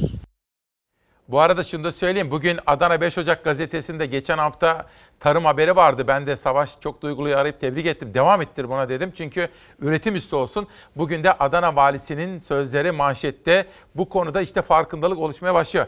Evet Ali Ekber Bey son söz olarak size bırakıyorum. Ve özellikle hayvancılık, besicilik. Tamam. Önce kitap, kitap Andrew Mango'nun kitabı. Tamam. Şimdi Ee, hepimizin tanıdığı yazar. Onu göstermiş olayım. Çok teşekkür. Ee, o da tabii- çünkü çok önemli kitaplardan Lord Kinross'un kitabı gibi bu da çok Evet. önemli kitaplardan biridir. Yan taraftan böyle kırmızı görünce dedim, Evet. Allah Allah hiç görmediğim bir kitap tamam bende olan kitap. Evet. Evet, evet tamam. Ee, tabii e, pamuk çok önemli. Onu da bir cümleyle belirteyim. Gerçekten üretici şu dönemde pamuk ekimine başladı. Bir yandan dünyada tekstil ve konfeksiyonda %31'e varan oranda bir daralma var. Şimdi pamuk üreticisi ben ekim yapayım ama acaba bu daralma devam ederse pamuğu satabilir miyim endişesi var. Bir yandan geçen yıldan kalan prim ödemesi var. Bunun mutlaka bir an önce ödensin ki çiftçi üretim yapabilsin, tarlaya girebilsin. E, hayvancılıkla ilgili şunu belirteyim. Sütle ilgili. Şimdi birçok yer kapalı. Restoranlar kapalı, oteller kapalı veya düşük kapasiteyle çalışıyor. E, ama e, süt sanayicileri bu nedenle süt alımını azalttı. Ama hep söylüyoruz ya fabrikayı kapatabilirsiniz ama ineğin memesini kapatamazsınız. Dolayısıyla e, üretici o sütü alıyor. Tarım Bakanı Sayın Bekir Pakdemirli gerekiyorsa biz e, sütü alırız dedi. Şu an gerekiyor ve sütün alınması lazım. Güzel. Benzer bir durum Alsınlar. ette de yaşanıyor. Tabii hayvancılık demişken şunu da mutlaka belirtmemiz gerekiyor. 25 Nisan Dünya Veteriner Hekimler Günü'ydü. Buradan bir kez daha kutlayalım. Onların da hem atamayla ilgili beklentileri var hem de bu tek sağlık sistemiyle birlikte yani tek sağlık yasasının çıkarılmasını onlar da diğer hekimler gibi bu sağlıkta şiddet yasası kapsamında değerlendirilmesini istiyor. Gerçekten dünyada da veterinerlik hekime değer veren ülkeler hayvan sağlığını, insan sağlığını ve çevre sağlığını Peki. daha kolay sağlıyorlar. Buradan e, bu konuya da değinerek veteriner hekimliğin de ne kadar önemli olduğunu bir kez daha Çok teşekkür ediyorum. E, iyi yayınlar diliyorum. Ali Ekber Bey şimdi fikri takip namusumuzdur. Sizinle şöyle bir Mayıs'ın ortasında bir kere daha böyle bir yayın yapalım olur mu? Gelişmeleri Kesinlikle, takip edip. iyi olur. Tamam, Tamam. çok teşekkür. Anlaştık. Sağ olun, var olun. Şimdi Mayıs'ın ortasında da bir yayın daha yaparız. Yaza girerken bir tane daha yaparız hatta. Mehmet Pektaş, Yaşamak Bazen isimli kitabıyla çalar saatte. Ve Ahmet Diker, Haydi Bire Efeler diyor. Çakırcalı Mehmet Efe isimli kitabıyla çalar saatte. Dünyadaki gelişmeleri dikkatle takip etmek bizim için Türkiye'nin izlemesi gerekenleri, yapması ve yapmaması gerekenleri anlamak için de elzem yani kaçınılmaz. Covid-19 salgını Avrupa'da İtalya ve İspanya'nın ardından en sert rüzgarı İngiltere ve Fransa'da estirdi. İki ülkede de sağlık sistemi çıkmaza girdi. Alınan önlemlerle Fransa'da ilk defa bir günde görülen vaka sayıları %50'nin altına düştü. Koronavirüs tedavisi gören İngiltere Başbakanı Boris Johnson bugün işbaşı yapıyor. Salgının ilk görülmeye başladığı günlerde okullar kapatılmadı. İnsanlar hiçbir kısıtlama olmadan sokaklardaydı. Virüsün kontrollü yayılması kararı aldıklarını açıklayan Johnson yönetimi salgının güçlenmesiyle geri adım attı. Ancak geç kalındı. İngiltere'nin şu an geldiği nokta önlemlerin gecikmesinin sonuçlarını gösterdi. 130 binden fazla aktif vakanın olduğu ülkede can kaybı 20 bini geçti. Başbakan Boris Johnson'ın da yakalanıp tedavi gördüğü hastalık ülkede o kadar hızlı yayıldı ki hastaneler hasta sayısına yetişemedi. Tedavi süreci tamamlanan Johnson'ın bugün işbaşı yapması bekleniyor. Başbakan Johnson iyileştikten sonra videolar paylaştı. Kendisine bakan Yeni Zelandalı hemşireye teşekkür etti. Yapılan bir söyleşide Jenny Maggie isimli hemşire Boris Johnson'ın tedavisinde yer alacağını öğrendiğindeki şaşkınlığını anlattı. İlk tepkim bu bir şaka olmalı şeklinde oldu. Bir arkadaşım bana şaka yapıyor herhalde dedim. Sonuç olarak o da bizim için elimizden gelenin en iyisini yapmaya çalıştığımız başka bir hastaydı. Johnson'a bakan hemşireye işinin en zor kısmı soruldu. O soru gözlerinin dolmasına yetti. Çünkü en zoru hayatını kaybetmek üzere olan ve yanında bir yakını olmayan hastaya veda etmekti. En zor kısmı ölmek üzere olan ve yanında ailesi olmayan birinin yanında olmak. Yanında sadece siz varsınız. Elini siz tutuyorsunuz. Ölmek üzere olan birinin yanında ailesinin olması gerekir. İşte en üzücü, en zor yanı bu. Fransa'da can kayıpları 22 bini aştı ancak vaka sayıları düşüşe geçti. Sıkı karantina önlemlerinin sonuç verdiği ülke 11 Mayıs sonrası normale dönmeye hazırlanıyor. Başbakan Edouard Philippe uyardı. 11 Mayıs'tan sonra da yaşamımız eskisi gibi olmayacak dedi. İşsizliğin baş gösterdiği ülkede Başbakan Philippe yasakların kaldırılmasını isteyenler tarafından baskı altında. Şimdi biraz önce kitaplıkta dikkatimi çekmişti ya Andrew Mango kitabı. Süreyya Üzmez diyor ki ben de bugün onu yazdım diyor. Merhum İngiliz yazar Andrew Mango Atatürk üzerine derin araştırmaları olan kitaplar yazardı. Ankara'ya her geldiğinde Yavuz Donat'la birlikte ne yapardı diyor. Süreyya Üzmez'in bugünkü Milliyet'teki yazısında varmış. Tesadüfün böylesi diyorum. Emeği geçen bütün ekip arkadaşlarımı yanında görüyorsunuz. Onlara ilave olarak bir de Nihal Kemaloğlu'na teşekkür ediyorum. Yeni bir haftaya girdik. Nisan'ın son haftasına doğru 1 Mayıs'ta çok sürpriz bir yayınım olacak. Şimdiden söyleyeyim. Enerjini çöpe atma. Marmara Belediyeler Birliği'nden böyle bir kitap geldi. Güneş Ellerimde Fehmi Helvacıoğlu. En çok sevdiğim bölümlerden birinin kitap tanıtımı olduğunu biliyorsunuz. Murat Uludoğan Kırmızı Reçete ve Yağmur Gözlüm Salih Arısoy'dan geldi. İzmirli bir şair. Beni de onunla tanıştıran Duygu Kankaysın. O da bir İzmirli şair. Semih Çelenk, kaybolmuş bir çocuktum, bulundum diyor. Ne karanfiller, ne sevgililer, ne de akşam sefaları. Ayartmıyor beni çıplak caddeler kadar. Çıplak olmalıyım, çıplak olmalıyım, koşmalıyım. Yağmur sularından gökyüzünü kovalayarak. Sonra Sonra ara caddelerden de koşanlar olmalı. Ana caddelere. Saklamayın yüreklerinizi. Merdiven altlarına saklamayın yüreklerinizi. Bodrumlardan çıkarın gülücüklerinizi. Kalkıverin yataklarınızdan. Kalkıverin. Yarın 7.45'te görüşmek üzere.